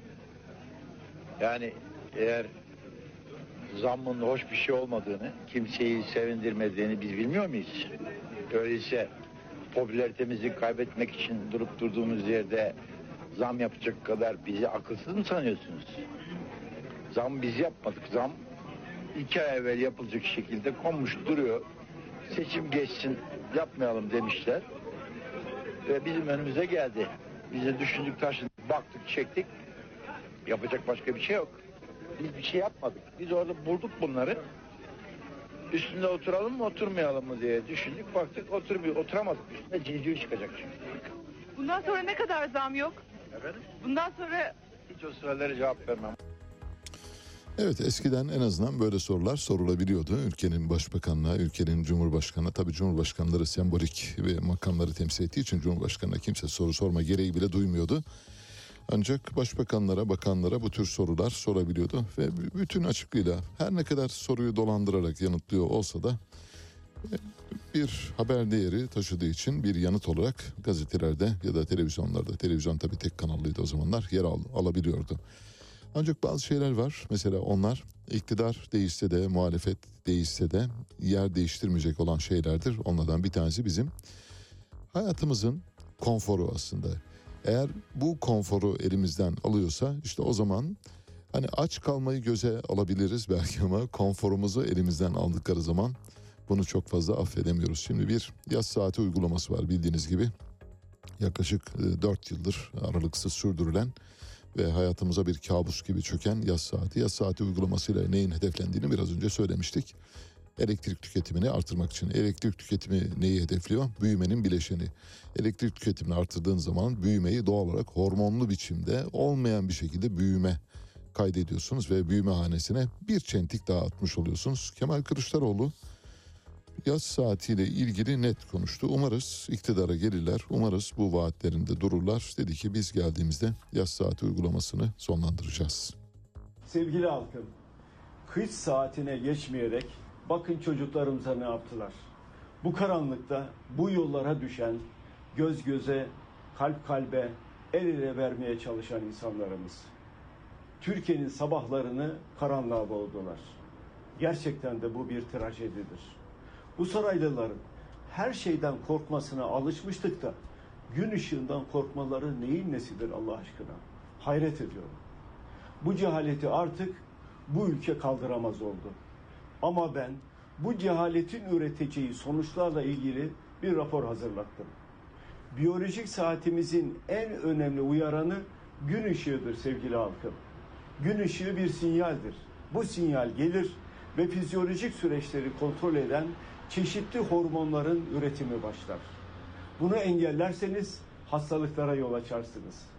Bu yapılan bozulmuş biyolojik ritim, nöro hastalıklar, diyabet, kardiyovasküler hastalıklar ve kanser gibi hastalıklar için önemli bir risk teşkil ediyor. Bunlar rapor mapor bilmez, okumazlar. Kalpleri gibi zifiri karanlığa mahkum ettiler Türkiye'yi. Bunu hemen ama hemen mutlaka düzelteceğiz. Evet bu siyasal iktidar değiştiği zaman değişecek bir uygulama gibi gözüküyor. Bakalım geldikleri zaman değiştirecekler mi? Umarız değiştirirler. Sözlerinde dururlar diye düşünüyoruz. Çünkü hayatımızı gerçekten bir karabasan gibi basan bir uygulamadan bahsediyoruz. Bir de değişmeyecek şeyler var. Örneğin hangi iktidar gelirse gelsin değişmeyecek. Örneğin bedelli askerlik. Şimdi bedelli askerliğe bugün karşı çıkan e, muhalefet acaba iktidara geldiğinde bedelli askerliği sürdürecek mi sürdürmeyecek mi? Bu tartışmayı şimdiden başlatalım isterseniz.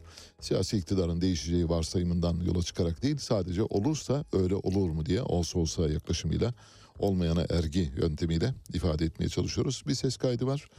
Cumhurbaşkanı Erdoğan geçmişte bedelli askerlikle ilgili konuştuğunda iki ayrı ses kaydı var. Sonra da bedelli askerliği savunduğu bir ses kaydı var.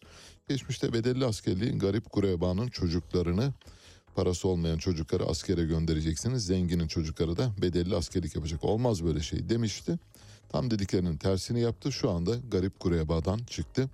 Zengine bedelli haktır diyor. Çıkmış diyor ki yok bedelsiz askerlik diyor. E? Bedelsiz askerliği getireceğim diyor. Ve kardeşim iyi düşün, iyi taşın, sor, danış ya. Git şehit analarına sor. Git fakir fukara, garip kuraba anaya sor. Bak bakalım onlar ne diyor sana? Ne diyor?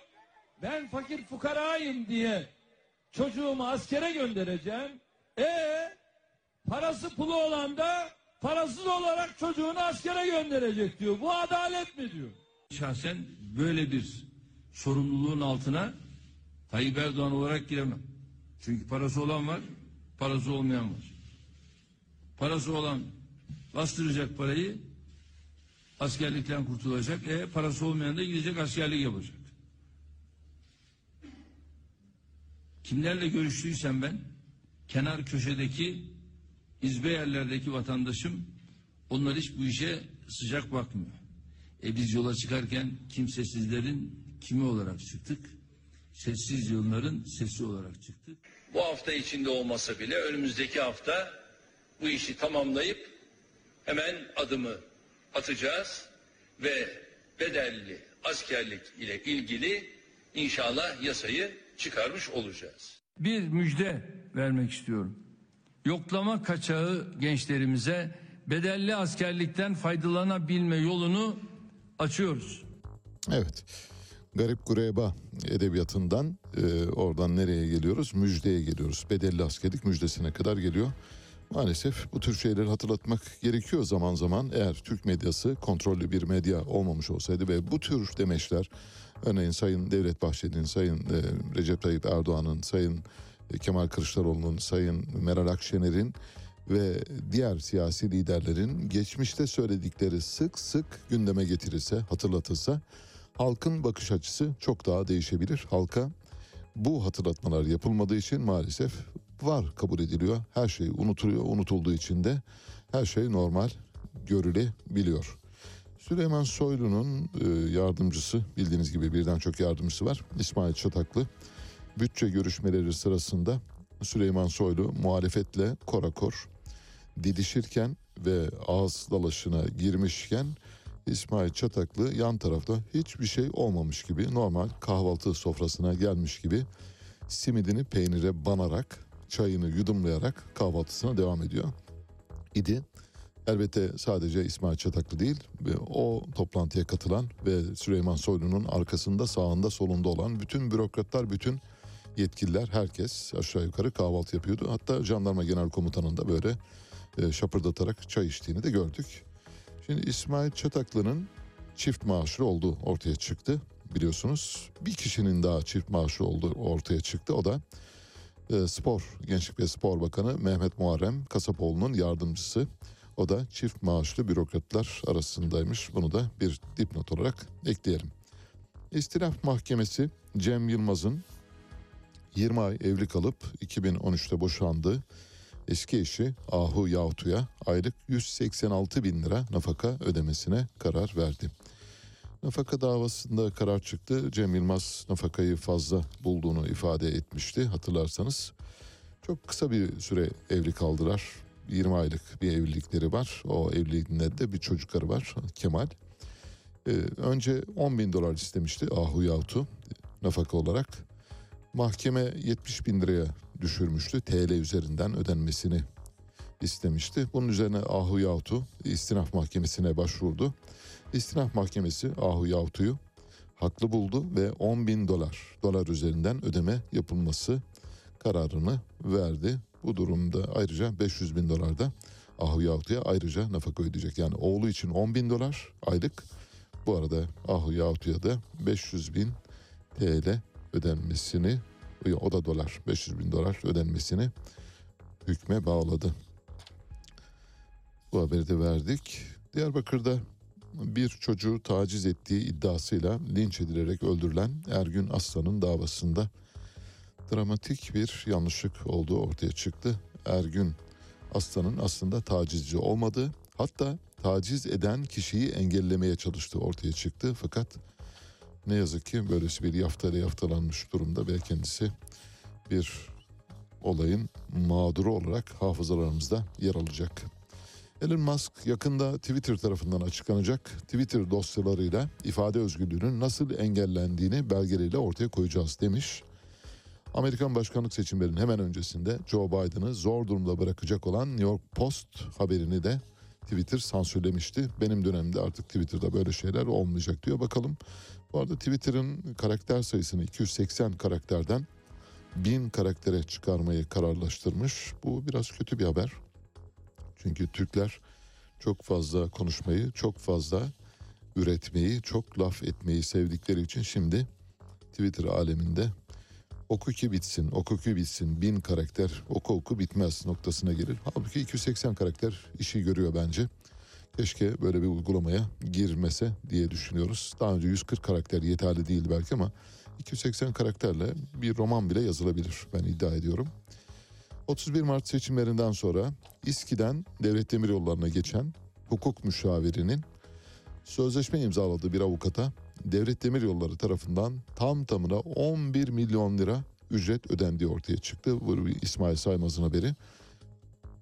Belediyeden ayrılıyorsunuz.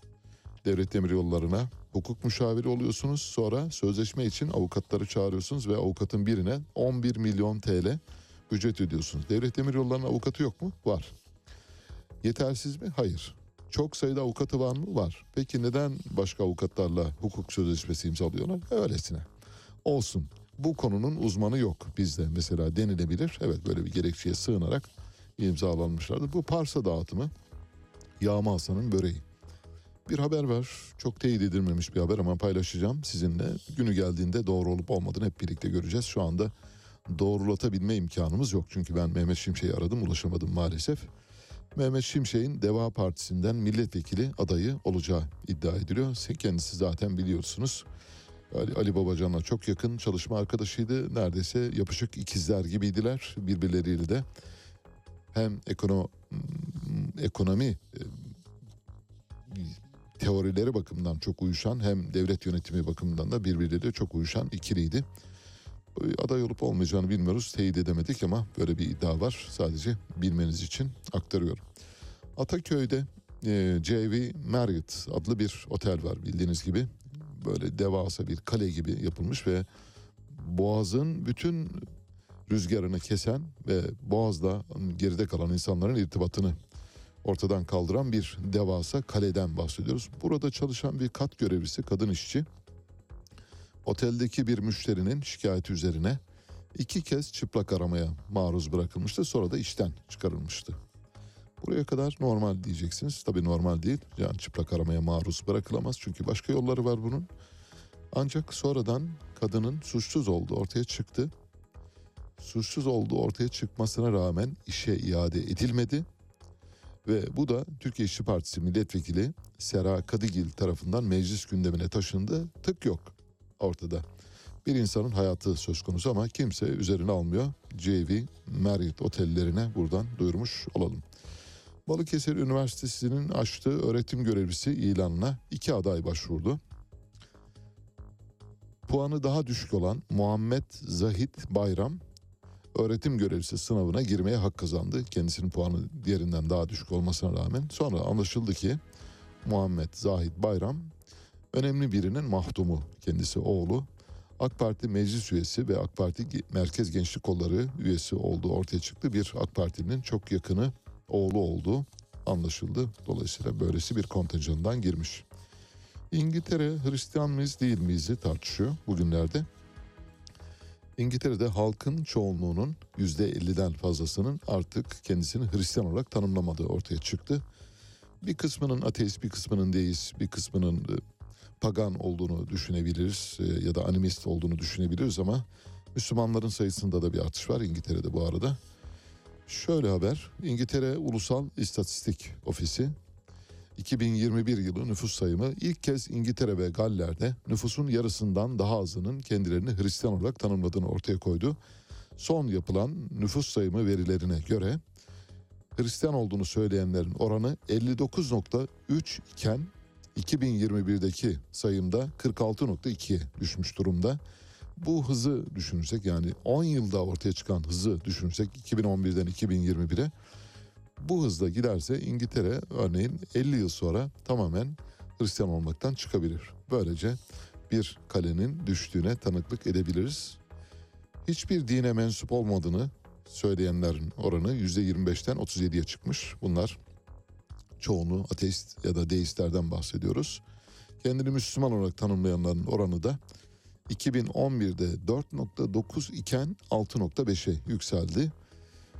Bildiğiniz gibi İngiltere'de Kraliçe Elizabeth, e, müteveffa Kraliçe Elizabeth ve şu anda tahtta olan oğlu e, Kral 3. Charles Müslüman idi diye iddialar var. Bu iddiaların sahibi kimdi? Bir tanesi Kadir Mısıroğlu, öteki de Şeyh Nazım Kıbrısi idi. E, hatta ve hatta e, Nazım Kıbrısi iddiasını o kadar ileri götürmüştü ki Prens Charles geldi bana biat etti ve Müslüman olmayı kabul etti. E, kelime-i şehadet getirdi demişti. Zaten annesi de Müslüman demişti. Şimdi sanıyoruz İngiltere'de çok sayıda Sir, Count, Duke, Lord falan onların hepsinin Müslüman olduğu tartışılıyor. Olabilir. İroni yapıyoruz tabii tahmin edeceğiniz gibi. Veriler hakkında değerlendirmelerde bulunan York Başpiskoposu Stephen Cottrell, İngiltere'nin birçok insanın neredeyse otomatikman Hristiyan olarak tanımlandığı dönem geride kaldı dedi.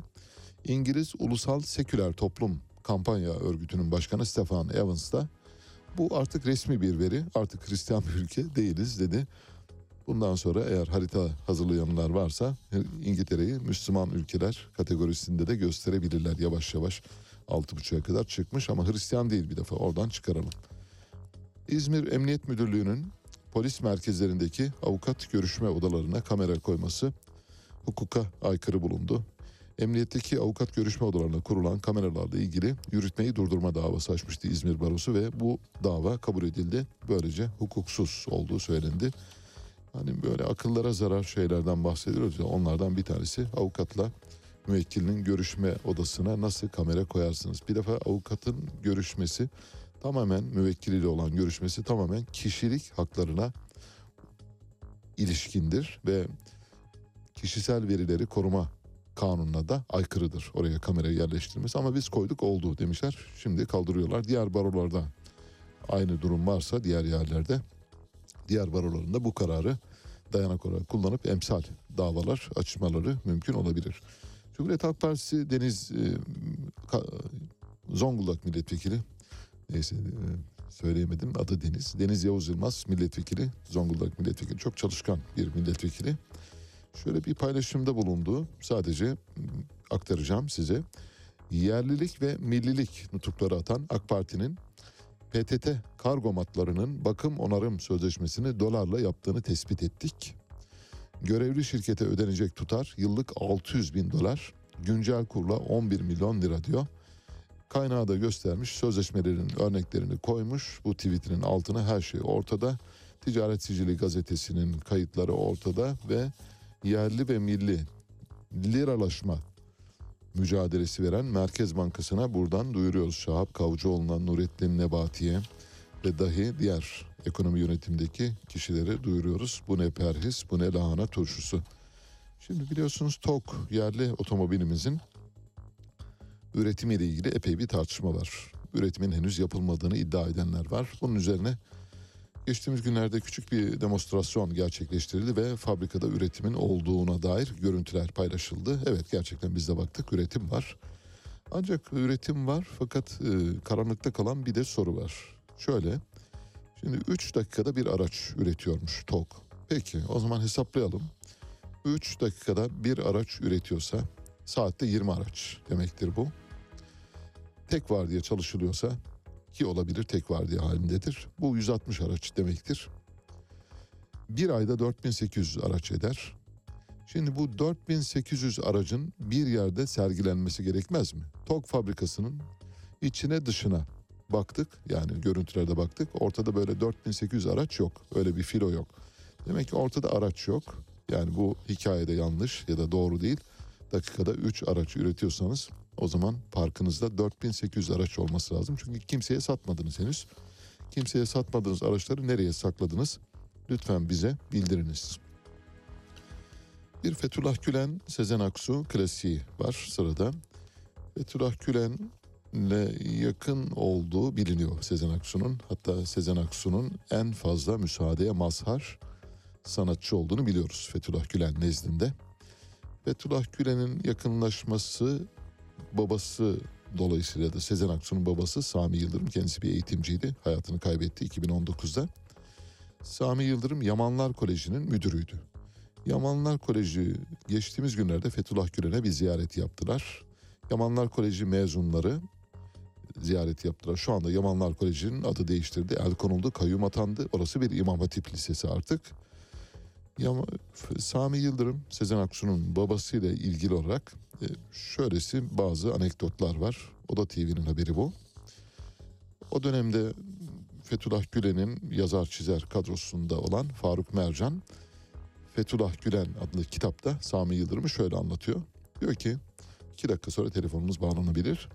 Gülen henüz İstanbul'daki büyük servet sahiplerini harekete geçirebilecek durumda değildi ama yıllardır İzmir'de verdiği vaazları hiç kaçırmayan hatırı sayılır bir esnaf grubu vardı. Gülen Ege bölgesinin bu insanlarını sonraki yıllarda kolejlere dönüşecek olan öğrenci yurtları açmaya teşvik etti. İlk öğrenci yurdunun temeli 1972'de İzmir Bozyakı'da atıldı. 1976 yılında faaliyete geçen 200 öğrenci kapasiteli bu yurt tam 10 yıl sonra 1982 yılında Yamanlar Koleji'ne dönüşecekti ve okulun ilk müdürü sanatçı Sezen Aksu'nun babası Sami Yıldırım olacaktı. Tabi o zamanlar Fethullah Gülen'e yakın olmak bir avantajdı. Bu yüzden de böyle bangır bangır ortalık yerde çarşaf çarşaf yazılabiliyordu. Sami Yıldırım'ı Aksiyon dergisi de konu etmişti. Fethullah Gülen'in yayın organlarından bir tanesi Aksiyon. Bir operasyon dergisiydi. Taraf gazetesi kurulmadan önce Fethullah Gülen adına bütün operasyonları Aksiyon dergisi yönetmiştir. Bunu da bir dipnot olarak belirteyim. Şöyle demişti Sami Yıldırım'ı tarif ederken nice öğrenci, nice öğretmen dünyanın dört bir yanına yayıldı bu liseden. Ama lisenin kuruluşundan bugüne değişmeyen tek kişi vardı. O da ilk genel müdür olarak kapıdan içeri giren ve bugün hala danışman sıfatıyla burada hizmetlerine devam eden Sami Yıldırım diyor. Böyle bir yüce, yüceltmeler, güzellemeler falan var. Sami Yıldırım'a da soruyorlar o yıllarda Aksiyon dergisinde yer alan röportajında diyor ki hoca efendi beni kürsüden gördü, iltifat etti. Hocam da buradaymış dedi. Hocaların hocası diye beni oradakilere lanse etti. Büyük bir alkış koptu. Sonra dışarı çıktım. Bahçede etrafıma toplanan gençler elimi öpmeye başladı. Hoca efendinin iltifat ettiği birine gösterilen bir saygıdır. Bu diyor Sami Yıldırım. Sezen Aksu'dan Fethullah Gülen'e uzanan köprüden bahsettik. Peki geldik nereye? Şimdi ekmek aptal toplumların temel gıdasıdır dediği için ve arkasından da öyle olmasaydı 20 yıldır böyle olmazdı diyerek aslında siyasal iktidara da böyle mesaj veren Ekmek Üreticileri İşverenleri Sendikası Genel Başkanı Cihan Kolivar'la konuşacağız. Cihan Kolivar bize göre toplumun seslendirilmesi gereken önemli bir yarasına parmak bastı. Bence bir halk kahramanı olarak karşılanması lazım. Hatta mümkünse evet e, bunu söylediğiniz o zaman gelin bunun üzerinde konuşalım denilmesi lazım. Türkiye'de neden bu kadar çok ekmek tüketildiğini tartışmamız gerekirken Cihan Kolivar'ı gözaltına alıp tutukladılar. Sonra da serbest bırakmak zorunda kaldılar. Şimdi hem kendisiyle bunları konuşacağız hem gözaltından sonraki yaşadıklarını konuşacağız. Bir de kendisi bir dosya göndermiş. Müthiş vallahi bir doktora tezi gibi hazırlamış her şeyi koymuş önümüze. hakkında ileri sürülen bütün iddiaları çürüten her şey belgelerle şu anda elimizde sabit. Yok merdiven altı üreticisi diyor. E, kaç tane fırını olduğu ticaret sicili kayıtlarından, küşatlardan, ruhsat belgelerinden mülhem bir dosya çıkarmış koymuş. Kendisiyle ilgili iddialarda bulunan kişilerden bazıların geçmişte Fethullah Gülen'le yazışmalarını da ortaya koymuş. Bunların hepsini konuşacağız. Önce kendisine bir günaydın diyoruz. Cihan Bey günaydın. Günaydın. Şimdi önce geçmiş olsun diyelim mi size? Yani e, usuldendir biliyorsunuz. E, içeri giren çıkana, e, askere gidip gelene, ondan sonra bir yayından çıkana bizde de yayıncılarda da vardır. Mesela yayın bittikten sonra geçmiş olsun derler. Sanki başımıza büyük bir felaket gelmiş gibi. Neyse. Şimdi sizden hem cezaevine girmeden önce başlayan ve cezaevine girdikten sonraki süreci anlatmanızı hem bu dönemde sizinle ilgili ileri sürülen iddiaları bu belgeler bende zaten o belgeleri dayalı olarak e, ileri süreceksiniz biliyorum. Arkasından benim benim sorabileceğim bir iki küçük soru da olabilir. Yaklaşık e, 20 dakika vaktimiz var. Buyurunuz. Ben usuldense geçmiş olsun deyin yani. O usule biz de uyalım. Tamam peki Teşekkür kabul. ederiz. Tamam. Ee, ben e, bu açıklamaları, bu apt- ekmek aptal toplumun e, gıdasıdır şeyini ilk defa değil. Ben 20 yıl önce de bunu oku- okumuştum. Ee, TÜBİTAK'ın raporu. Evet.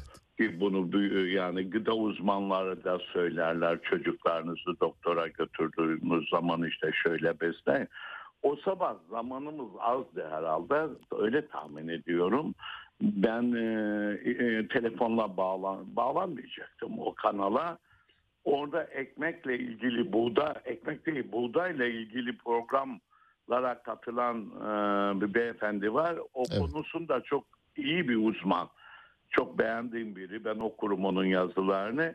O olduğu için de katıldım. Ama zamanla biliyorum tabii telefonla katılıyorsun canlı yayında. Çok kısa olduğu için. Yani ben daha arkasını anlatacağım işte nedenlerini. Mesela oradan 2-3 ay önce TGRT'de 3-4 programa katılmışım. Aynen yine oradaki elemanda işte bu şey e, ekmek e, toplumun temel gıda maddesidir demiş. Demişim ki hayır öyle değil. Bunu kafanızdan çıkarın. Size böyle öğrettiler belki ama öyle değil. Toplumun gıda maddesi sade ekmek değil. Diğerleri de var. Et, süt, peynir, zeytin. Yani buna sadece ekmeğe e, odaklanmayın diye böyle açıklamalarla yapmışım. Ben şimdi kendi sattığım şey ben ekmek satıyorum. Ama ben bundan 10-15 sene önce yine bir televizyon kanalında dedim ki her gün bir dilim ekmek eksik yiyin. Oradan artıracağınız parayla ayda bir kitap alın okuyun. Kitap okumakla nasıl ekmek parası kazanılır öğrenirsiniz. Ama ekmek yemekle ekmek parası nasıl kazanılır öğrenemezsiniz. Şahane. Peki. Yani bu ben e, şey ekmem şimdi bazılar işte hemen bir de şu tabii en kötü şey ben çok üzüldüm o hanımın da o kadar bilgisiz oluşuna.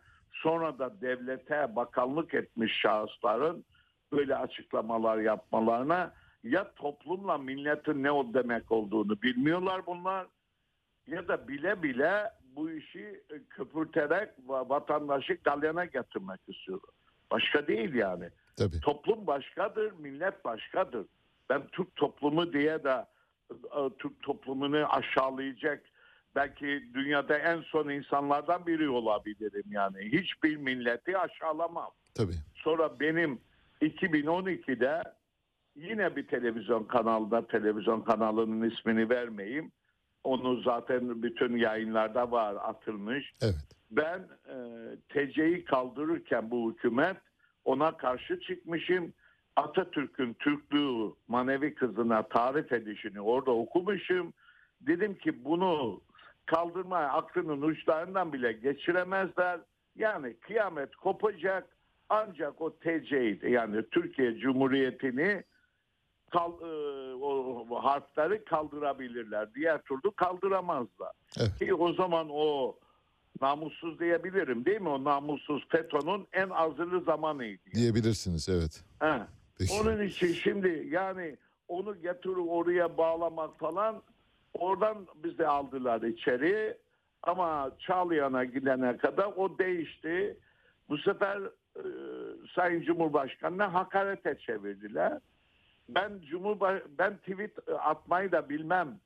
Benim 14 tane ta- 14 kişi takip ediyorum. Onların biri oğlum, biri de avukat hanım. Diğerleri de e, 12 kişiyi de hiçbir tweet atmamışım. Yani onlara, onlar öyle yazmışım oraya ama Anladım. işaretlemişim ama hiçbir beceremem çünkü yani. Peki Beceremediğim şeye de hiç şey yapmam. girmem diyorsunuz. Şimdi bir, bir birinin tweetine cevap yazılmışım. Ben tahmin ediyorum benim ufak oğlana yazdırdım herhalde onu. O da şu. Evet. Diploma herhalde orada geçiyor mu ne? Bilmiyorum onu da. Okumak bile okumadım onları emin ol. Sonradan da okumadım. Ben yine içeride avukat hanım gelip bana dosyayla da ben diyordum ki bırak dosyayı sen. İşle ilgili işte benim oğluma şunları yaz götür de ki şunları yapsın şunu. Ha, hep işle ilgili. Yani çünkü oraya gidişim e, beni götürülüş saçmaydı. Ben hakime de dedim bundan beni tutuklama. Gülerler sizi yani. Burada çünkü öyle bir şey çıkmaz bundan. Çünkü ben her anlatışımda ekmeği anlatıyorum. Bütün televizyon programlarımda. Ve şunu diyorum. Bizim merkezi hükümetle hiçbir sorunumuz yok. Gerçekten de öyle. Dört dörtlük yasayı 2004'te çıkarmış, koymuş, imar yasasına fırınları sokmuş. Bitmiş onu hükümette bizim işimiz ve ben şunu diyorum çoğu bir bak Ankara'da ne kadar güzel. Biz de Ankara gibi olmak istiyoruz. Ankara'da bir tane ruhsatsız fırın yok. Vatandaş ucuz ekmek ve kaliteli ekmek yiyor. İstanbul'da öyle olsun diyorum. Ve İstanbul'u gelip anla, bu şimdi Cumhurbaşkanı, hükümet, bu Ankara'nın hükümeti değil mi? Ankara'nın Cumhurbaşkanı değil. Evet. Sadece İstanbul'un. Yok hayır. Ben Herkesin. geliyorum Evet. İstanbul'a, bak İstanbul'a geliyor o şey diyorum, geçiyorum konuyu anlatırken de diyorum ki bizim bütün işimiz ilçe belediyede. Evet. Büyük şehirle işimiz yok. İlçe belediyelerinde diyorum 39 ilçenin 20'si düzgün, 19'u bozuk.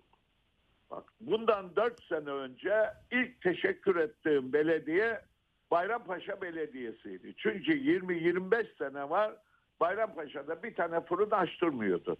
4-5 taneyi de hatta belediye başkan yardımcısı vardı o zaman Yalçın Bey. Onunla yıktı fırını. Evet. Ve belediye başkanı Bayrampaşa'nın şimdi de o Atilla Bey şunu şey yapmıştı. Bir fırın açılıyordu. Ben onu şikayet ettim. Gitti adam lahmacun fırını veri, e, yapacağım diye taahhütname verdi. Evet. Ben sonra belediyeye gittiğimde dedi ki biz vatandaşın beyanını kabul etmeye mecburuz. Çünkü benim ben de hak verdim doğru ve bir yapsın dedim ki o zaman ben başkanım bu 5'e 5 lahmacun fırını olmaz lahmacun fabrikası olur. O da gülmüştü sizi gibi. Dedi ki hele bir yapsın. Evet. Yapıldı. At, e, işte bir ay sürme. Tabii ekmek çıkarmaya başladı. Ben işi bilirim yani 51 sene var bu işin içinde. De, git e, işte belediye bazı belediyeler böyle yıkım ekibi yok ihaleye verir. Bunların var herhalde ki bir ay içinde o bir başkası daha yapılıyordu. İkisini de yıktı. Evet. Ben devamlı e, televizyonlara çıkışta Bayrampaşa Belediyesi'ne teşekkür ediyordum. Sonra bu 4 senede 12 tane fırın açıldı. Ona teşekkür etmeye bıraktım. İlk teşekkür ettiğim belediye başkanı Esenler Belediye Başkanı. E bu şimdi Esenler Belediye Başkanı AK Parti'nin belediye başkanı değil. Evet. Ya ben niye ona teşekkür edeyim? Ya benim işim ekmek. Benim işim inşaat ya da yol ya da kanalizasyon bilmem de ben hiç böyle bir şey konuşmam. Ben ne bilirsem onu konuş. Ben ekmekle çıkıyorum oraya ekmeği anlatıyorum. Benim derdim ekmek. O da şu İstanbul halkına ucuz, kaliteli, temiz bir ekmek yedirmek. Bazen de tabii devletimi severim. Ben devletle hükümeti bir tutmam. Hükümet gelir geçer. Evet. Ama devlet benim için çok kutsaldır. Evet. Şimdi anlatırken de böyle işte diyorum ki belediyede bir birim buradan nemalanıyor. Ya bir birim dediğim şimdi bizim e, o dediğim bir nemalanmada 20 bin zorlarsan 30 bin liraya çıkar. Şimdi hiçbir belediye başkanı ya da başkan yardımcısı böyle bir paraya tenezzül etmez zaten. Yani bizim işimiz zabıta müdürüne kadar ya çıkar ya çıkmaz. İmarda da imar müdürüne ya çıkar ya çıkmaz. Şimdi zabıta müdürüne iş kalmıyor çünkü e, ruhsatem o kaçak fırın yapan, merdiven altı fırın yapan belediye müracaat etmiyor. Belediye müracaat etse o ruhsatı alamayacak. E, niye gitsin oraya harç versin ki? E, diyorum ki bu benim mesela şimdi fırınında aynı işçi, aynı kira, aynı yakıt, aynı sigorta, aynı dağıtım ücretiyle ben Ankara gibi 12 bin ekmek de yaparım. E şimdi benim fırıncım 3 bin, 3 bin 500 kışın o da. 3 bin, 3 bin 500 ekmek yapıyor. E maliyet çok artıyor. Bu kime yükleniyor? Vatandaşa. Tabii. Benim düşündüğüm o. Hem fırıncı para kazanamıyor çok. Bir de o kapasite olmadığı için pazar yok. Pazarda e, bakkal markete 5 liralık ekmeğin dörtte birini iskonto veriyor. Yani şu an İstanbul'da çoğu ilçede 125 kuruş iskonto var. Bir de televizyoncular böyle şeyler program yapanlar şimdi çıkıyor. Bak geçen sene Ağustos'ta bir kilo ekmek 12 buçuk lira. Evet. Şimdi bir kilo ekmek 20 lira. Evet. Zam oranı bir senede Ağustos nereye gelmişiz? Ee, bir seneye Kasım'dayız, gelmiş. evet. Bir buçuk seneye gelmiş. Ekmek yüzde 54 zamlanmış. Fakat ekmeğin bütün girdileri yüzde 300'ün üzerine. Evet. Bir işte Temo'nun ununu e, ucuz verdi. Orada bir yüzde 200 zam var. Diğer doğalgaz, elektrik, maya. O sabah da o televizyoncu dışarıda çekim yapan bir elemanı e, o hafta mayaya yüzde 40 zam gelmiş diyor ki bir yılda mayaya yüzde 40 zam geldi. Ya ne bir yılda? Geçen sene Kasım'da maya 75 lira şimdi maya 350 lira. Ya yüzde 40 mı olur zam? Ya ya bunu bir dün akşamda bir televizyon kanalına yine aradım. Ya dedim ki bunu ya düzgün yapın ya da yapmıyorsanız söylemeyin kardeşim bunu. Evet. Şimdi orada da yapmış. Halk ekmeğin ekmek fiyatını alıyor. Bak o tarihteki bizim satış şimdiki satış fiyatımızı oranlıyor. Diyor ki yüzde 200 zam. Ya yüzde 54 herkese bunu anlatıyorum. Ya hesap bilmiyorsunuz çıkıp program yapmayın. Yani böyle, böyle bir şey olur mu? Vatandaş o zaman diyor ki fırıncı vay ne kadar zam yapıyor. Ya zam yapmış da bir bak bakalım ya. Fırıncının oğlu özel okulda mı okuyor? Altındaki araba nedir? Kira mıydı? Bir tatile gidebiliyor mu? Bu bir iki senedir köyüne bile gidemiyor.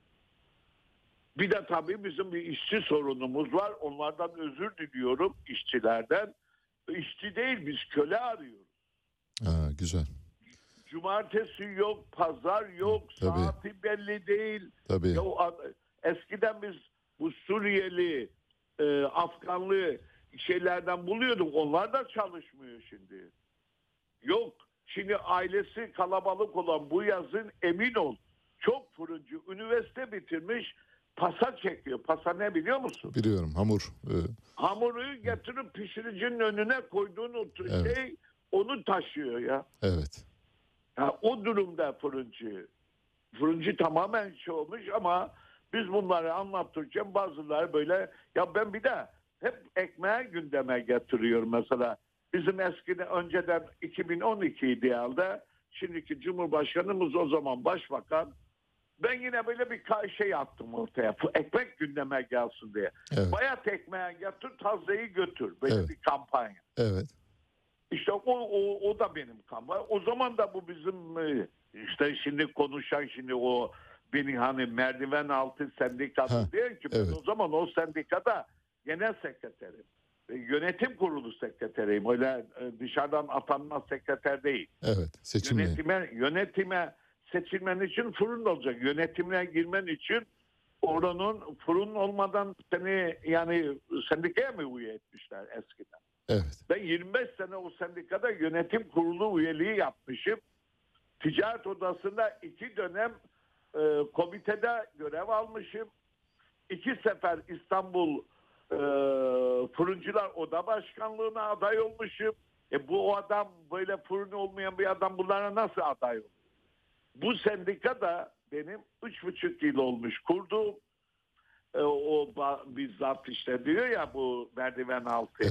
Bir, bir, bir üç buçuk yıl olmuş bir kongre yapmışım. E bir kongrem de 2023'ün Mayıs ayında o zaman kongremi yapacağım. Diyor ki bu kongrelerini de zaten geciktiriyor.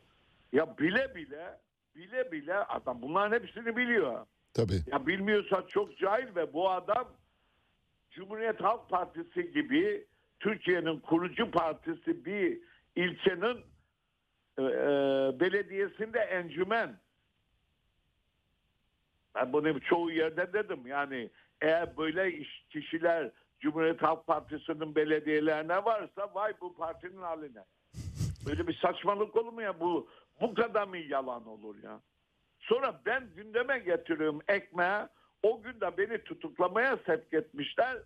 Bana geçmiş olsun yardımcı olacağına bile bile yalan diyorlar benim ağrıma geliyor. Doğru yani olan bir şeyi söyle hiç üzülmem. Çünkü ben dostumu düşmanımı bil- bilen insanım. Evet. Ee, do- Doğruysa söyle. Ondan hiç alınmam ama yani iftira atacak ya da bu gündeme geldi. Ya İstanbul'daki fırınların sıkıntılarını söyle. Çıkıyor bir de diyor ki işte e, e, Cumhuriyet Halk Partili hükümete teşekkür ediyor. O da ne anlama geliyorsa onu da bilmiyorum. Çünkü o o etmesi normal çünkü onun listesinde olan o tweetlerini attığım adam sende. O listesinde olan adam. E, Teşekkür edersin tamam. Şimdi diyor ki ekmeğe zam yok. Gerek yok. Yılbaşı, yılbaştan sonra da bakarız. E şimdi federasyon açıkladı. İstanbul'da da bugün yarın ekmeğin kilosu 25 lira. Zam niye oldu o zaman? Evet. Ya ben zaten bir ay önce demişim ki yılbaşında İstanbul'da ekmek 7,5 lira.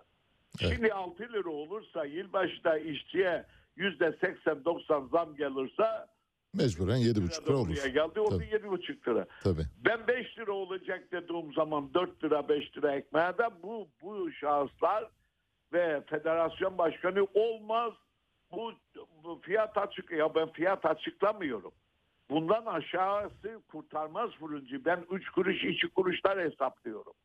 Buna çareler arayalım diyorum ve, ve hükümete diyorum ki bak bu unu verdiniz çok güzel. Tema unu ama bunu ruhsatlılara verin. Ruhsatlısızlar bizimle rekabet edemezsin. İki, bize doğalgaz ve elektriği de ruhsatlı fırınlara her konuşmamda bunun üzerine basa basa duruyorum bak. Ruhsatlı fırınlara da doğalgaz ve elektriği İndirimli verin. ev fiyatından ver, sanayi tipi verme. İstanbul halkı seçime gidişte hiç olmasa pahalı ekmekleri de hükümet edemezsin. Çok birkaç televizyon programında da aynen şöyle demişim bak. Sayın Cumhurbaşkanım bu AK Parti belediyelerine güveni de seçime gitme bunlar seni satıyor. Haydi böyle vallahi. Çünkü bunların yüzünden ekmeğe zamlı yiyor İstanbul halkı bak hep gene İstanbul halkı diyorum. Çünkü bütün konuşmamda o. Tabii. Ankara çok güzel. Ankara İstanbul- güzel mi? Peki. Ankara çok güzel. Ankara'da hiç ruhsatsız fırın yok. Çok iyi. O Fırıncı da para kazanıyor. Halk da temiz ve ucuz ekmek yiyor. Diyorum ki İstanbul'da şimdi ekmek pahalandı mı vatandaş ne diyor? Hükümet zam yaptı değil mi? Evet.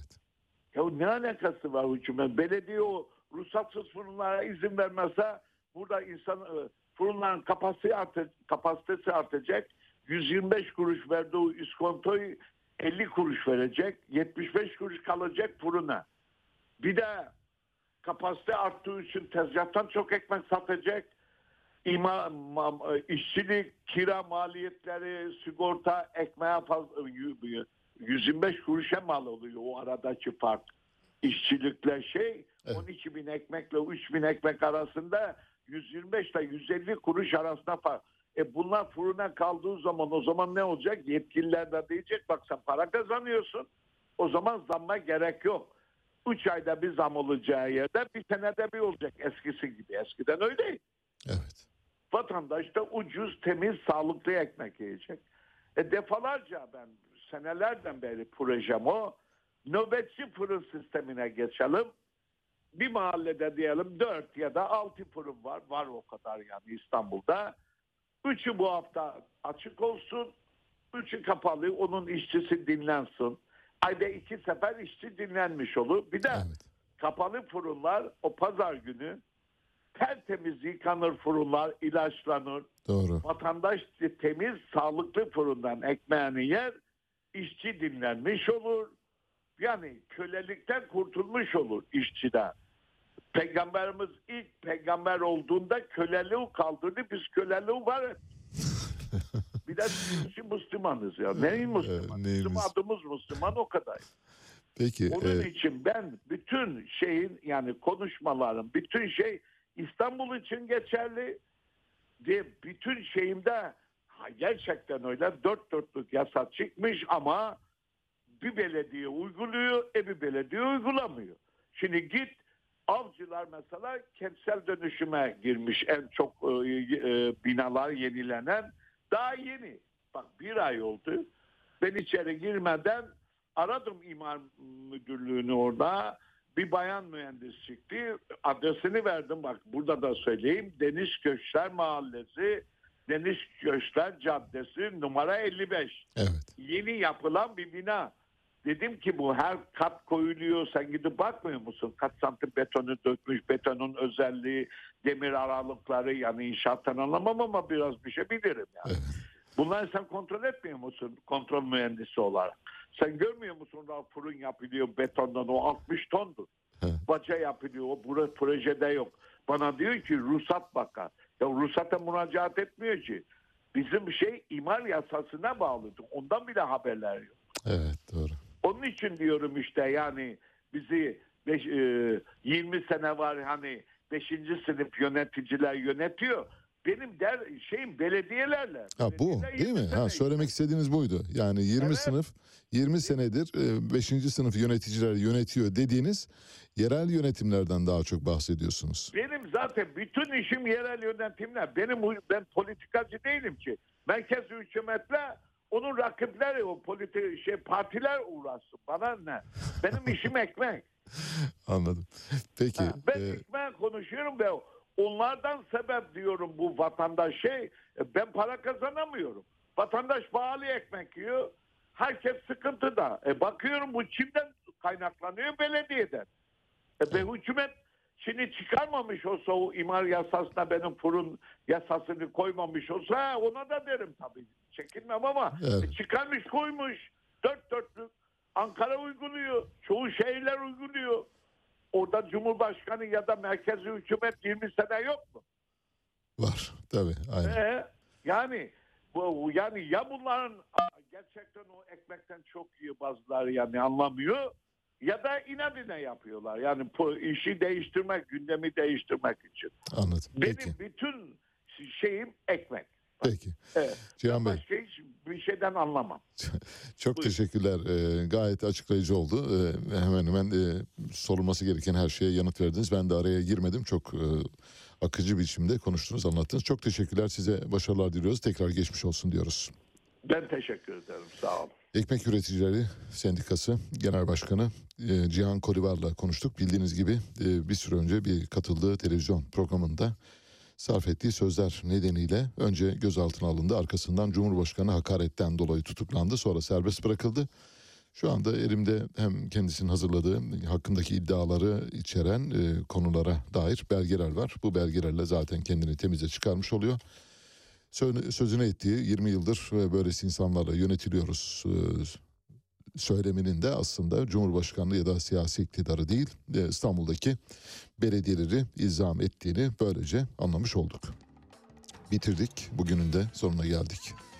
Bu programı kumanda masasında Onur Er, editör masasında Doruk Kurgancı ile birlikte gerçekleştiriyoruz. Birazdan Mehtap Yeni Doğan saat başı haberlerle karşınızda olacak. Size bugün Rafael Carra'dan parçalar seçtik. Şu anda dinlemekte olduğunuz parça Süper Rumbas. Hepinize çok güzel bir gün diliyorum.